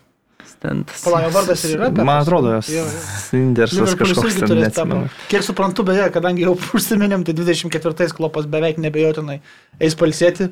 Tai realiausias kandidatas pakeisti ne kažkoks Gerardas savo, būtent asistentas dabartinis. Pepas. Aš nesimenu pavardės. Tesk. tai nežinau, nu, aš manau, kad iš faktas, kad jeigu COVID labiau įsisiautėtų ir visas turdyras būtų perkeltas kur nors į Lisaboną ar Porto ir reiktų žaisti iš vienų rungtynių, tai man atrodo šansų daugiau būtų Interui. Dabar, kaip Rytis sako, iš dviejų rungtynių labai jau sunku. Sunku. Ir dar ypatingai antros rungtynės bus tame stadione su ta nuostabia atmosfera, o ten prie tos atmosferos ta komanda žaidžia visada dvigubai geriau čempionų lygoje, tai Na, labai bus sunku Milano tai Interui. Tai neskubėčiau teikti, kad iš viskas kur bus. Nes... Gali garsas. Jo, jo. Uh, jo, nes gali, gali būti ir be žiūrovų čia. Dabar jau gali, gali. Ne, nu stipresnė. Aš, aš, aš noriu tikėti, e, kad uh, bus konkurencingesni, nei jūs tikit, va taip va, pasakysiu. Aš, nu, aš tai manau kad, man, manau, kad Milano Interas yra tikrai solidesnė komanda už AC Milaną. Tai, jo, tai jo. tikrai gali daugiau pasiūlyti ir, ir daugiau ir tų patyrusių galų gale žaidėjų. Priklauso nuo 49 metų polėjo polime. Net su 49 polėjų AC Milanas būna jauniausia komanda lygoje, kurioje žaidžia. Tai žinai, Na, Interas man atrodo solidesnis, bet jo, nu, kažkaip Liverpoolis žiūrint šį sezoną kol kas jie nu, nesimato, kad stabdytų kažkaip tai. Labai jau, labai jau gerai žaidžia ir labai stabiliai. Gerai, e, PSG Madrido realas e, turbūt nepatenkinti nėra labai. Nei vieni, nei kiti. Reikia paminėti, kad Madrido realas labai įsiutęs yra, labai, žinant labai. Florentino Perezo istoriją su UEFA. Superlyga gal to išės. Ir, ir Superlygom, ir e, realas reikalavo, kai, tuo, kai Atletiko reikalavo, kad burtai būtų pertraukti, nes buvo neteisinga, kad negalėjo išsitraukti Man United. Yeah. Tai Madrido realas sakė, kad būtų neteisinga pertraukti visus burtus, nes iki to momento viskas vyko pagal taisyklės ir tada Realas turėjo Benfica, ar ne? Jo. Taip.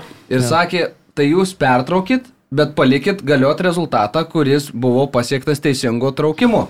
Ir tada Realas labai buvo nepatenkinti dėl to, kad buvo pertraukti visi burtai. Ir čia dar vienas toks. Dar vienas, dar, dar kartą įėtys susirėmė tarp UEFA ir Madrido Realo, tiksliau Florentino pono. Nu, o dabar Praeisė. Superlygos stumėjas susikausų prieš Superlygos projektą. Taip, ir, ir galės pasiaiškinti. Praeisė tą Paris Saint Germainą. Aš norėjau sakyti, Ančelotis sudėlios, man atrodo. Tai čia net ką dėliot, tai tu... Vinicius prabėgs pro tą stovinčią gynybą. Tai vad būtent, ten dabar matai, kaip, kaip drasko Vinicius visus ir kaip Benzema uždarinėja. Nebūčiau tikras duoda. Tai aš sutinku, kad tai ant, ant, individu... tikras, bet... ant individualaus meistriškumo pasažai gali išlysti beveik bet kuriuose rungtynėse, bet nu, iš principo žiūrint į dviejų mačų tokią akistatą, realo pranašumai man tokie daugiau nei akivaizdus. Aišku, čia yra ten visokių intrigėlių, dar, tarkim, Sergio Ramoso, jeigu jisai galėjo žaisti, koks čia būtų tas jo sugrįžimas, kad Mesi grįžta sužaisti ten į Santiago Bernabeu, bet aš manau, kad Realas tiesiog yra geresnė komanda ir turi praeiti Nu, į kitą etapą. Madrido derbėje savaitgalį. Jeigu Vinicijus žais taip, kaip žaidžia šį visą sezoną, jeigu žais Modričius taip, kaip žaidė va, sekmadienio vakarą, puikiai, visiškai dominavo jis ten vidury, absoliučiai 30 kiek Tai taip, taip, metų. bet mes pagal dabartinę formą vertinam ir Paryžių, kuri tą formą matom, kad Jo, leidžia tai- tik tai antrą vietą gali taktinių, būt- Tai kad nežinau, žaidėjai du su pusę priekyje- mėnesio aš manau, kad gali. gintis pradės gintis mes. Žiūrėk, tai Bet Neimaras- Mbappé gali nubėgti tris įkius ir įmušt, kaip Tai buvo prieš. Bayerną, tai kodėl nepadarė prieš tegul tik lieka traumuotas, tai tik tai lengviau O početino palauk, ir kada sesers komandai. gimtadienis? Nežinau, kovo kažkada. Jis dabar yra traumuotas, tegul ir lieka, nes truputėlį daugiau balansų šitą komandą, kai nereikia jų visų trijų priverstinai mesti į aikštę. Man tai atrodo, kad čia bus tiesiog e, nuskausmintas Saint Germain klubas ir Madridas dar Peresas gal spės prieiti Mbappé ranką paspaust. Susitikęs Madride, kad, nu, žiūrėk, sakys, jau po sausio pirmos, tai jau galim ir padėti parašus ir pasitvirtinti tavo atvykimą į Bernabeu. Šiaip Sergio Ramosas e, kalbėjo po burtų, sakė labai nenorėjau, kad e, suvestų burtai su realu, bet ką padarysi, už PSG kovosiu iki mirties. Taip, bet blemba UEFA taip kaitino kamoliukus, kad mes ir Ronaldo žaistų aštuntfinalyje ir pertraukti viską reikėjo, naujų kamoliukų pašildyti niekas nebespėjo. Abramovičius nu, tis abonementą nusipirkęs buvo matyti burtų gerų. Gerai, mes turim pusvalandį keturioms lygoms, tai fantastika yra, e, bet e, Tai pabandom. pagrindinius pa- momentus Pabandom tiesiog, pagrindinius momentus Anglijoje, manau, jie yra du. Jeigu klystu, pataisykit, bet pirmasis, aišku, yra COVID protrukis. Klubuose jau du mačai atidėti, Brightonas su Tottenhamu ir šiandien turėjęs United vykti su United Brentfordu. su Brentfordu susitikimas. Jau patvirtino, kad jau. Jo, vakar jo. vakarė jau patvirtinta protrukiai ir Leicesterio stovykloje ir, kaip minėjau, Spurs su United, Aston Villas, Brightono klubas Championship'e, mačas vakarykštis irgi atidėtas 402 atvejai naujausiam testų raundė, tau testų Per buvo savaitę 3,5 paskutinį. tūkstančio, daugiausiai irgi per šį sezoną, nes Omikrono atmaina plinta nejokingai. Anot The Athletic neramu ir transliuotojams, kai kuriems tarptautiniams, kurie esą privačiai jau diskutuoja apie galimą finansinį poveikį ir tikimybę, kad Premier lyga kaip ir e, aną sezoną, pirmąjį COVID sezoną turėtų gražinti dalį lėšų televizijoms, kas aišku klubams labai būtų skausminga. Nu, žodžiu, visą tai kaip ir dėl to, kad Britų vyriausybė čia beros vakar ir paskelbė, kad per 48 valandas Omikron atmaina, kuri vis dėlto nėra ten labai jau ten švelnesnė negu deltos, kad jinai bus dominuojanti šalyje, pl- plinta dar greičiau negu delta. Tai rodo net ir klubuose protrukių plitimas, kuris labai staigiai e, plečiasi. Taip, tai... O gausi komentarų už tų dviejų mūsų. Pradėkim nuo to, kad 68 procentai tik tai yra skiepytų. Tai, Taip. Taip, tai čia žaidėjų dviem dozėmis. nebūtinai Viena pradėti. 81 procentas buvo spalį padaryti ten tie tyrimai paskutiniai, kurie rezultatai. Tai, tai tie skaičiai nėra jau tokie Nėra pavyzdiniai. e, sakykim. pavyzdiniai taip. E, tai nuo trečiadienio jau yra nau, naujų suvaržymų. Praeito trečiadienio Britanijoje reikia dirbti iš namų, jeigu galima. Viešose vietose viduje reikia dėvėti kaukę. Kas dėl futbolo ir renginių stadionuose, tai visos renginių vietos, kur susirinka daugiau negu 10 tūkstančių žmonių, visi Premier lygos stadionai turės priimti tik tai tuos, kurie bus arba pasiskiepę, arba pasidarę testą, kurio rezultatas, aišku, Tai neigiamas. Italijoje, pavyzdžiui, dabar galiu palyginti, ar ne, į stadioną tik su žaliu pasu, ten Green Pass vadinasi. Mhm. Viešbutį gyventi tik su žaliu pasu, į kalėdinį miestelį miesto centre tik su žaliu pasu, visur tik su žaliu pasu. Laukiau autobuso stotelį, priejo keturi policininkai, sako, kur važiuosi, sakau, autobus. Parodyk žalią pas. Visur. Tai, nu, čia visur tas pats. Iš esmės reikia, reikia sutaikyti ir čia viskas yra normalu, man atrodo.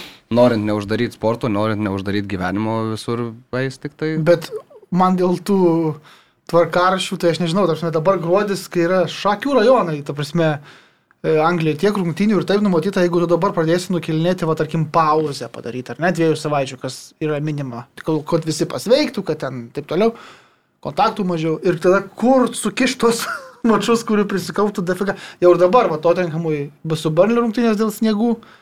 Atidėtos ir su Brightonu. tai. tai kur tu esi kišio, kokį balandžio mėnesį ir yra vietos. Su Renuva nereiks Dar laužti. neaišku. Ai, kai. Dar Tai neaišku. jo, Tottenhamui tai visai neblogai, neliks europinių ten tų kovų. Dar neaišku. Nu, Aš ne. Tik traukė burtus, tai ištraukė abi dvi komandas. Taip, dar Ir- galbūt padarys, tai Renas irgi gali, gali būti lankstesnis. Čia net, net nesvarbu, čia lyga tokia, kurie nereikia kalbėti. Antras akcentas e, Anglijoje yra, man atrodė, kad baudinių neįprastai daug e, buvo skirta. Septyni berots. ir tai Buvo yra- skirta tiek, kiek buvo baudinių. Nu, ne visi, jie, Nu, manimų buvo. vieno tai tikrai nebuvo. Čia Kur, apie kurį tu? nu, apie tą, Nemėgstamos už- komandos pažastis duoda baudinius mušti. Jo, ten Davė tokį baudinį, kokį davė Čempionų lygos finale viename. E, Nu, ne tokį. Tai, Nu. tai ten bent į ranką kamuolys pataikė. ten pataikė, kaip ir šituo atveju, nuo kūno į Ne finalas tam. Finalas. Finalas buvo, bet nesutikčiau, kad čia vienodos situacijos, o Nu, Gerai, gerai, bet vis tiek šiuo atveju aš irgi manau, kad Nu. ne, ne, neturėjo būti skirtas baudinys. tai neturėjo būti skirtas, bet jau ok ir buvo skirtas. Taigi, nu, tai tas įrankis yra klaidų taisymui taip. šiais laikais sukurtas. Bet čia man labiau vėl kelia tą klausimą, ar jau nelaikas būtų anglams su savo mosais, Atkinsonais ir Dynais, nu, atsisveikint. Jau manau, kad šitie arbitrai, ką galėjo, tą atidavė. Ypač Jonathanas Mosas, kuris ten žiūri, kaip jis juda paaišti ir galvoja, nu kaip jis tos testus išsilaiko ten prieš sezoną ir kaip jis iš vis gauna tos paskirimus. Šitas baudinys, nu, man tai katastrofiškas buvo, ta prasme, sprendimas jau iš karto aikštėje priimtas, o po to netgi nebuvo jisai ištaisytas. Tai sunku man to patikėti. Beje, dėl ten buvo ir Jimenez'o dvi geltonos kortelės tokia nežinau, kai kam gal linksmėsnė, kai kam liūdnesnė situacija. Kai meksikietis prasižengė, gavo geltoną kortelę, tada staigiai atsistojęs, e, sąmoningai trukdė Rodriui pradėti ataką ir už tai iš Mosas iš karto įstraukė antrą geltoną kortelę. Ir kas man įdomiausia, tai Brūnų Lažė, e, treneris Wolverhamptono, nekritikavo teisėjo už dvi geltonas korteles, o sakė tiesiog, kad, nu, Raulis turi būti protingesnis tokioje situacijoje, žinot, kad ką tik jau gavo įspėjimą ir e, elgtis rimčiau. Ir ta prasme, mes vat, su juo pasikalbėjom irgi Rubiniai, sakė, kad iš klaidų mokosi. Tai vat, šitoje vietoje dėl tų dviejų geltonų kortelių iš tikrųjų, aš sakyčiau, net tokio didelio skandalo nėra, kiek yra dėl baudinio paskirto antram kelniui. Beje, man buvo įdomu, kaip Lažė sureaguos išeinant Jimenezų iš aikštės, bet labai taip korektiškai sureagavo, padavė ranką, taip atrodo, kad, nu, jokio tuo metu e, nelaikė pykčio, nors Nu, akivaizdžiai. Bet akivaizdžiai galvoj buvo, kad... ai, Tai tu turbūt, turbūt, turbūt, bet.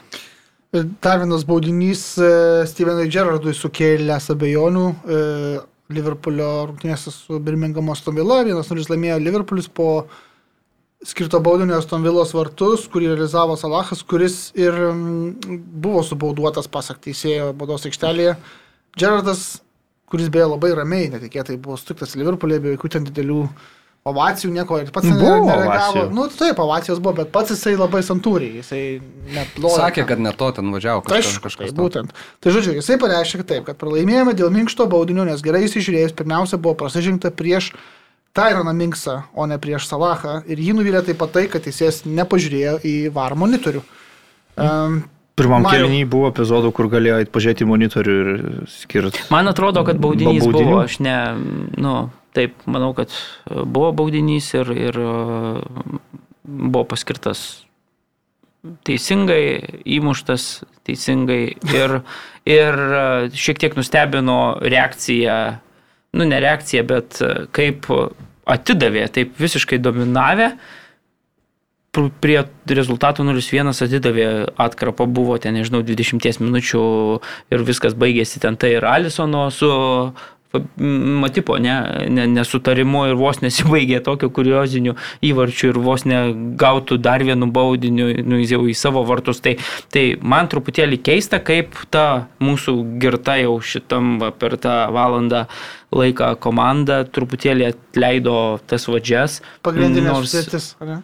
Nors visiškai dominavo iki, iki, iki įmušto įvarčio ir taip toliau. Tai va čia truputėlį nustebino, tai- bet laimėjo pelnytai ir trys taškai. dar. Sakyčiau, kad ten pirmam kelniui tikrai buvo galima skirti jau tada baudinį Aston Villos vartus bent jau vieną, nes ten buvo tokių įdomesnių situacijų, kur irgi tas pats teisėjas nieko nežiūrėjo ir nieko netikrino. Šitas baudinys, tai aš, aš manau taip, kad kaip krepšinėje mes mėgstam sakyti, kad išprovokavo žaidėjas pražangą, pergudravo varžovą, tai čia nu lygiai taip pat. Sala moka provokuoti pražangas ir užsidirbti baudinių savo gudrumu. Ir šiuo atveju, nu, išmaudė Tyroną Minksą ir jau problema buvo, kai įsileidi salai baudos aikštelę ir tu esi jam už nugaros, tai tu nebekontroliuoji situacijos, o kad jisai ten Sustojo. ras kontaktą, ras kontaktą ir koją pasistatys taip, kaip jam reikia, nu tai nuo to kenčia visos komandos Premier lygoje anksčiau ir vėliau.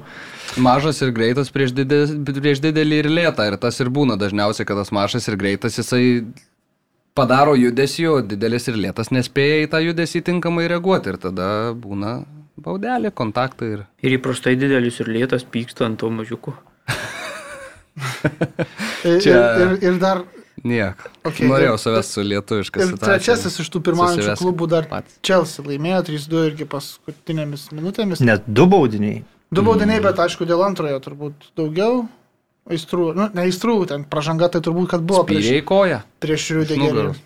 Jo, bet e, kažkur neblogą mintį perskaičiau, kad e, žmogus net ne kažkoks lyco ten gerbėjas ar Chelsea nekentėjęs, bet sako, nu, sako, okei, okay, aišku, kad pražanga kliko prieš Rudegerį buvo, bet baudos aikštelės kažkur kampe, tiesioginės grėsmės vartams nėra, nėra. nu, Nėra. neadekvati ta bauda, nu, ta, ta kaip Tai sakyt, nereikia dėl kištų pražangos. kojų ir Taip, nereikia abejo. bandyti šitaip Taip, daryti. taip, ir čia yra iš fantastikos ir tiesas, Taip nekeis taisyklių, bet, nu, galėtų būti laisvas smūgis baudos aikštelė. Aišku, ir Rudigeris, nu, irgi iš savo pusės pasistengė, kad Tai taip, tai Tai patikėtų, nes, nes paėmė le- kuo lengviausiai ir nu- nudribo baudos aikštelėje.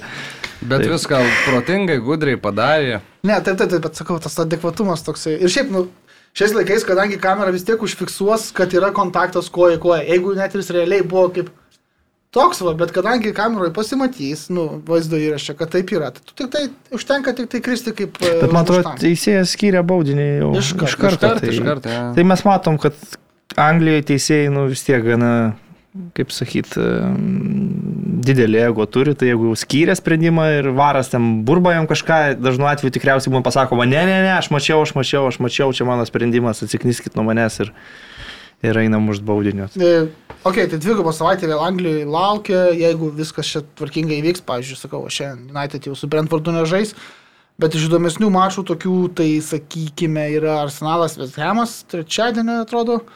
Vakar, ką lažybininkai sako, tai 45 procentų tikimybė, kad laimės kanonieriai, 28 procentai, kad bus lygiosios. E, Kaip su rezultatyvumu gali būti vat rungtynės? Aš manau, kad turėtų būti menko rezultatyvumo rungtynės, nes iš tikrųjų arsenalas namuose beveik nepraleidžia, o kad patys labai jau ten smarkiai atakuotų ir visada daug primuštų irgi nepasakyčiau, o Vezjamas vis, vis dėlto solidi komanda nuo gynybo žaidžianti. Tai aš kažkaip visai tikiu, kad čia ir lygiosios gali būti, ir įvarčių, Ne fontaną. ne fontanai jo, tai kažką tokio įsivaizduoju. Beje, su Obamejangu ten yra įdomi situacija. Taip. Arsenalo klube galima šiek tiek taip greit paminėti.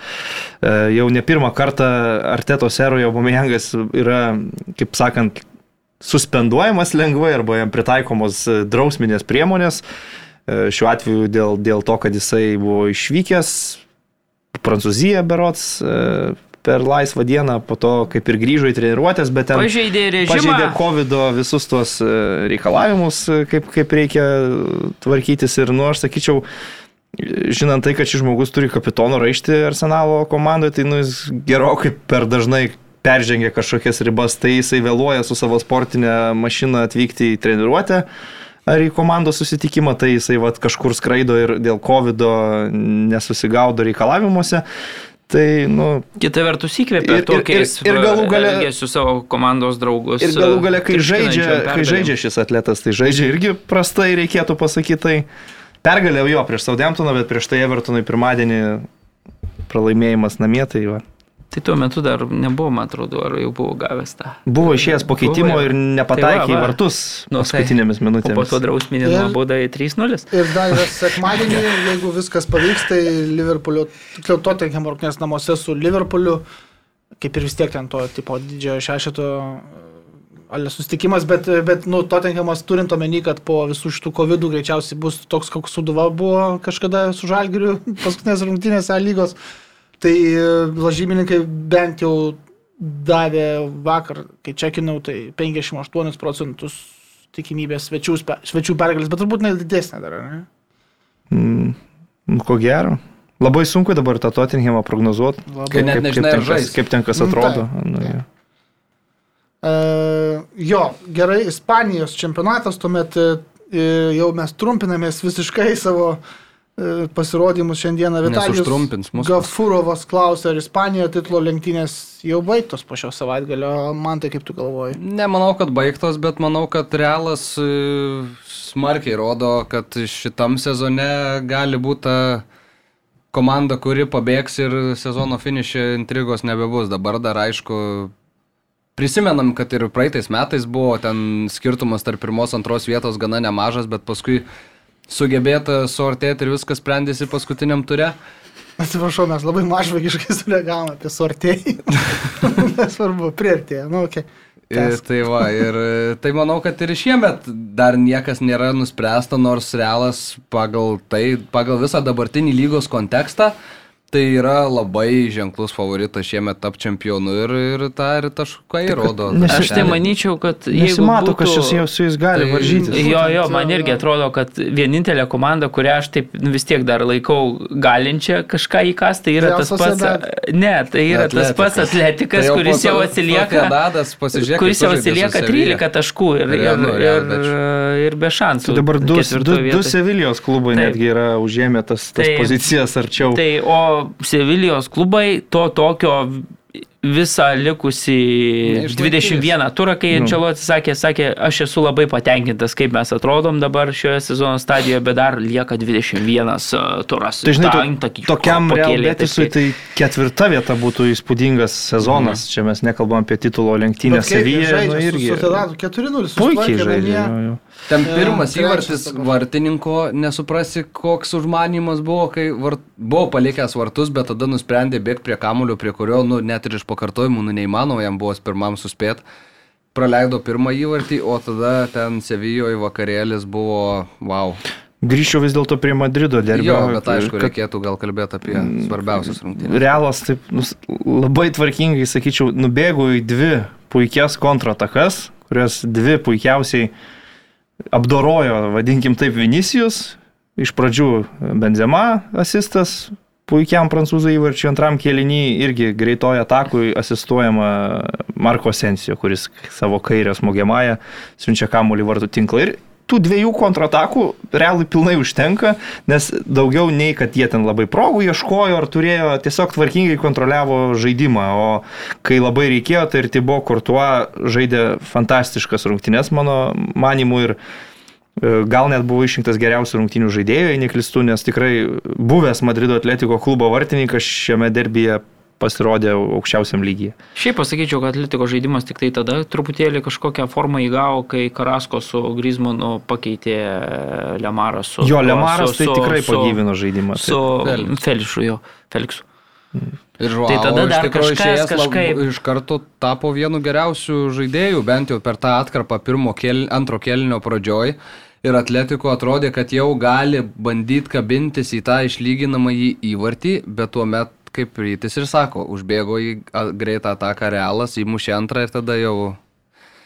Bet net 58 Simeonė tai- po mačo pagyrė, sakė, kaip dabar atle, e, realas atrodo, tai man labai patinka, kai tai čia toks irgi iš trenerio. Taip, bet ar, ar, čia, ar čia Mariu laimėjo prieš patirtį dar didesnė patirtis, tavo manimu? Dar labiau patyręs specialistas triumfavo. Taip išeina. Ne, Gerai, Barcelona, kaip minėjom, čia šiandien jau aštunta, atrodo, žengia tik tai, o Taip. dabar neįveikė svečiuose Pamplonos Osasūnos. Mindaugas Valenta klausė, kiek šansų, kad Barça pateks į kitų metų čempionų lygą, nes netrodo, kad užimtų bent ketvirtąją vietą seriją. Primeroje. Aš visai matyčiau Barsą nepatenkančią į, kitas, į kito sezono čempionų lygą, iš tikrųjų. Aš bet yra dar praviras langas Europos. Nu, tuo uždarys. lygoje. e, Mėlynieji. Taip, kad kai durys užsidaro, lieka praviras langas. aš tai žinok. nežinau, aš nemanau, kad visą sezoną bus tokia beviltiška situacija su žaidėjų traumomis ir sausio mėnesį jie ten kažką planuoja, ar pasiskolinti, ar dar įsigyti, kiek ten jiem galimybės leidžia, tai nu, nebus visa, visus metus taip blogai, kaip yra dabar, kai 8-9 kertiniai žaidėjai traumuoti ir kai kurie ten tokių pozicijų, kur net nėra jokio pakaitalo. Tai gali jie sužaisti ir geresnį atkarpą, ir kilti kitos ketvirtos vietos, aš visai to tikiu. Beje, MTT buvo po labai ilgos pertraukos gražintas į sudėtį, nelabai pasisekė žmogui, bet, Nu tai ten iš vis belekas buvo Lukas Diongas žaidė startinėje sudėtyje. bet po labai ilgos pertraukos žaidė. Nemesis. Baigti. E, gerai, e, žengiam gal mes greitai į Italiją, Vokietiją. E, Italijoje pirmas jau čempionas Milano Interas, pasinaudojęs tiek Milano lygiosiomis su Udinezė, tiek Napolio pralaimėjimu. Mm, Empoliui e, atrodo, ar ne? E, Interas pats 4-0 įveikė Kaljarį ir kaip ten parašė kažkas, vienintelis klubo atstovas, kuris tą vakarą susidūrė su problemomis, buvo treneris Simonė Anzakė, kuris paslydo ant apledėjusių stadion Metsa laiptų. E, tvarkingai juda į priekį Interas, ar ne? Nu taip, čempionai kaip bebūtų.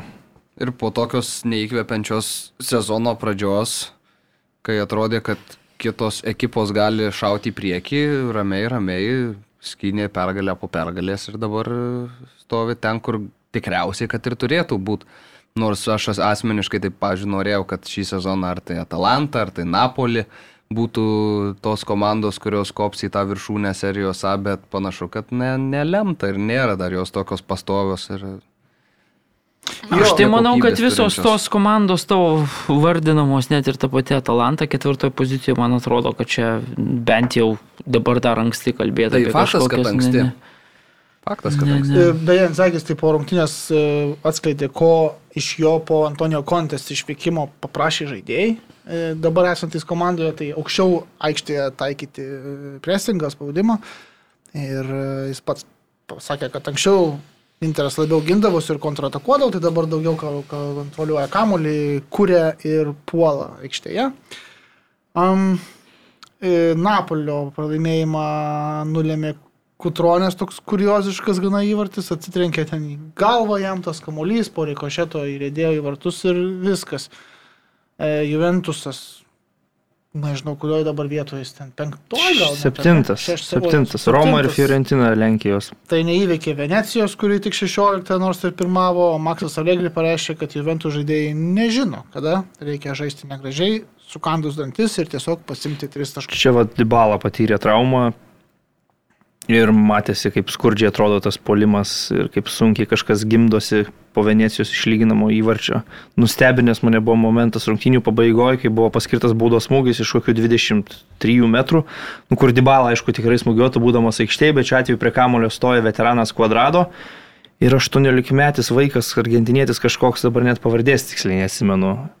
Ir nu kažkaip norisi tikėti, kad kvadrado smūgiuos, bet tam vaikui leidžia kairę koją tokį svarbų baudos smūgį rungtynių pabaigoje atlikti ir jis pataiko tiesiog gyvatvariai kažkur ten į blauzdas žaidėjim. Tai labai nustebau, kad ne kvadrado ėmėsi iniciatyvo šitoje situacijoje ir jo, sakyčiau, net pelnytai prarasti taškai, nes Venecija nusipelnė tų lygiųjų mano akimis. E, taip, anonsas, Milanas su Napoliu dabar žaidžia. Aš, sorry, Taip. noriu paminėti, kad vakar dar specialisto patyrusio vadovaujama Prašau. Romos komanda 2-0 palaužė buvusio specialisto auklėtinio Tiago Motos treniruojama specija ir meistriškais kampiniais buvo pasiekti įvarčiai, vieną iš kurių pelnė anglų tandemas, Temi Abrahamas galva, atliko rezultatyvų perdavimą Krisui Smolingui, kuris taip pat įmušė galvą. Nu, Tai. Ir spaudimas, kuris buvo jau besikaupęs Ties specialisto specialisto galva, atslūgo, kaip Na, sakoma. svarbu virš vokiečio kalbos. Jaunasis jo auklėtinis ten labai įdomiai antrą geltoną kortelę gavo, beje, ranka savo pasimušė kamolį, nubėgo įmušė įvartį, šventė va tai va kaip prieš tribūnos atsistojęs statysijas, jam antrą geltoną už tyčinę ranką ir baigėsi. Afenagijanas. Afenagijanas, Ir e, prieš kurį laiką, kai buvo čia debutavo tais dviem savo įvarčiais, Taip, tada taip. tai labai sulaukė stratego specialisto daug pagyrų, bet dabar dvi tokios kortelės. nu, bet pergalė, 2-0 specijos nugalėjo komanda. Taigi, Roma dabar yra. Penkta. Ne, Fiorentina. Šešta, šeštoje Roma šešta. pozicijoje užima. Jo, Fiorentinai ten Vlahovičius toliau muša tos įvarčius, rezultatyviausias serija žaidėjas. Kažkaip įtariu, kad sudomins ir gigantus. Tai jau seniausiai yra Taip, taip, sudominęs. taip, bet turiu meni, kad jau konkretus pasiūlymai bus pateikti. 22 kokie? Um, Į, taip, tai kaip ir minėjau, Anonsukas prieš kitą turą Milanas žais su Napoliu, tai vis tiek pirmo, dvi iš trijų pirmaujančių komandų e, sekmanį žais, tai lažybininkų vertinimų Milanas turi daugiau šansų laimėti, 41 procentų tikimybė, Napolio 34, Namie žais namie Milanas. Milanas žais. Kaip jūs galvojat? Regiu lygiasias 2-2. A ne? A, nu, šiaip Regiu, tai regiu, visai va taip, sakyčiau, va taip kad viziją taip. matau, užmerkęs akis. Nu, fantastika. Kaip tu galvoji? Koks užlygęsias, kiek procentų? 41 procentas e, Milano tikimybė, 34 Napolio. E, kad laimės, o lygiosios Tai labai jau lyg, lygi linija. Taip. Nu, tai panašios. Panašus Nu tai ir gerai, tai- aš irgi lygiosios. Ir e, Ibrahimovičius lygina 92 minutę. Oho. Įmušęs gražų įvartį kokį nors žirklėmis vėl. Iš vidurio aikštės.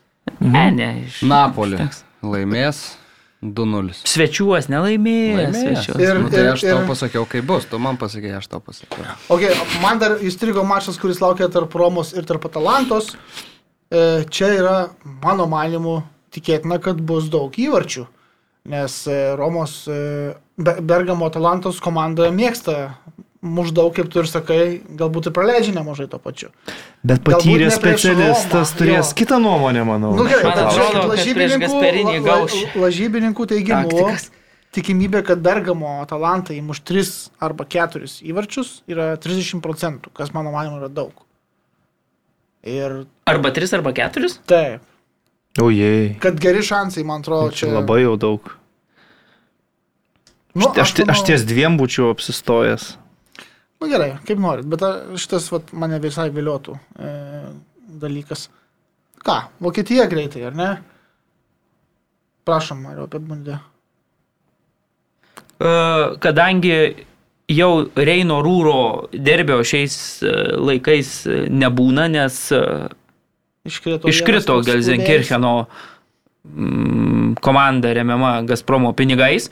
Tai dabar vienintelis tas konkurentas likęs e, Dortmundo Borusijai toks principinis yra iš taip pat gretimo e, kaimelio Bochumas.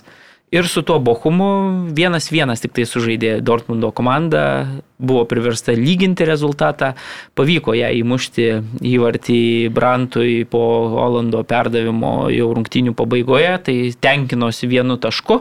Borusija, bet tai reiškia, kad e, Müncheno komandos atotrukis vėl išlėto didėja, čempionato čempionatas dar net nepasiekė ekvatoriaus, o persvara vėl didėja. Deja, nebuvo, nebuvo nebuvo lengva. Nebuvo lengva, taip, pergalė. 0-1 atsilikinėjo Bavarijos komanda, bet vėlgi tas čempioniškas charakteris ir, ir visgi rezultatas 2-1 ir persvara auga ir intriga vėl. O aš, paž, o aš pažymėčiau, kad ir toliau yra smarkiai talžoma ir spardoma norėjau Borusija. prasme. Kiek čia įvarčių praleista per du turus? 9 ar 10, 10 gal palauk. 11. 11 net. Šešisgi nuo Freiburgo atsirovė. Jo, teisingai. O dabar penkis, ne? Košmaras. Bet visada, kai komanda turi naująjį trenerį, reikia pasakyti, kad e, Leipzigą nuo šiol treniruoja Dominikas Tedesko, buvęs e, Šalkės ir Spartako. Spartako trenerių aš Spartako aš pats. Žinai, kaip rašė e, rusai apie Tedesko, kai jis atvyko į Spartaką, e, prišol strateg vyhadil fizruk. Tai va, taip. Tai, tai jo, tai laimėjo užtikrintai, Gladbacho komanda įveikė ir, ir, ir, ir iškovojo pergalę 4-1, jeigu dabar gerai aš. Tai 10 jų, aš to ne 11, man tai atrodo. Nes... Taip, ir, ir, ir kam. Ja. Tai dabar tarp Bayerno ir tarp antrojo vietos, nežinau, Dortmundo yra jau 6 taškai. Jo. Bet jeigu labai norite, galite dar įsivertinti savo galvose e, lažybininkų pateikiamą tikimybę, kad Borusija Dortmundo laimės Bundesliga, kuris siekia 9 procentus. Čia irgi tam turbūt e, stichiniam Kiek nelaimėm. devyni tik? Devyni Ai, nu tai Čia tom, logiška. čia tom va, tai nelaimėm irgi rezervas kažkoks paliktas. Aš pabaigai pažymėčiau, kad yra Hoffenheimo klubas toks e, visiškai neapdainuotas ir neįvertintas, kur patiliukai susiskynė keturias pergalės iš eil- iš eilės ir, ir dabar į, į ketvirtą poziciją užšoko. Hoffenheimo ekipa. Nuostabu. Nu, vokiečiams turbūt nėra labai nuostabu, nemėgstate to Hoffenheimo. bet- Nemėgsta, nemėgsta. Borusija be Menchengladbacho rytoj dar žais su neprastu varžovu Frankfurto Eintrachtu, kuris 5-2 šventė pergalę praėjusį savaitgalį, Taip. tai dar gali atsivežtų įvarčių ir tas Ir ne- Atsilikdamas ne prieš bet ką šventė, prieš prieš Bayern ir kuris visai po gerai dviejų šiko įvarčių. Taip. Taip. Ir tada penkis. Pump. O prašau. Gerai, taigi viskas šiandien baigiame. Mūsų rėmėjas 7bet. Ačiū jam. E, Ačiū Mantui Krasnickui, ačiū Maradonui, ačiū Ryčiui Višniauskui, mano vardas Gintaras. Ačiū, kad žiūrėjote, ačiū, kad klausėtės. Iki kitos savaitės.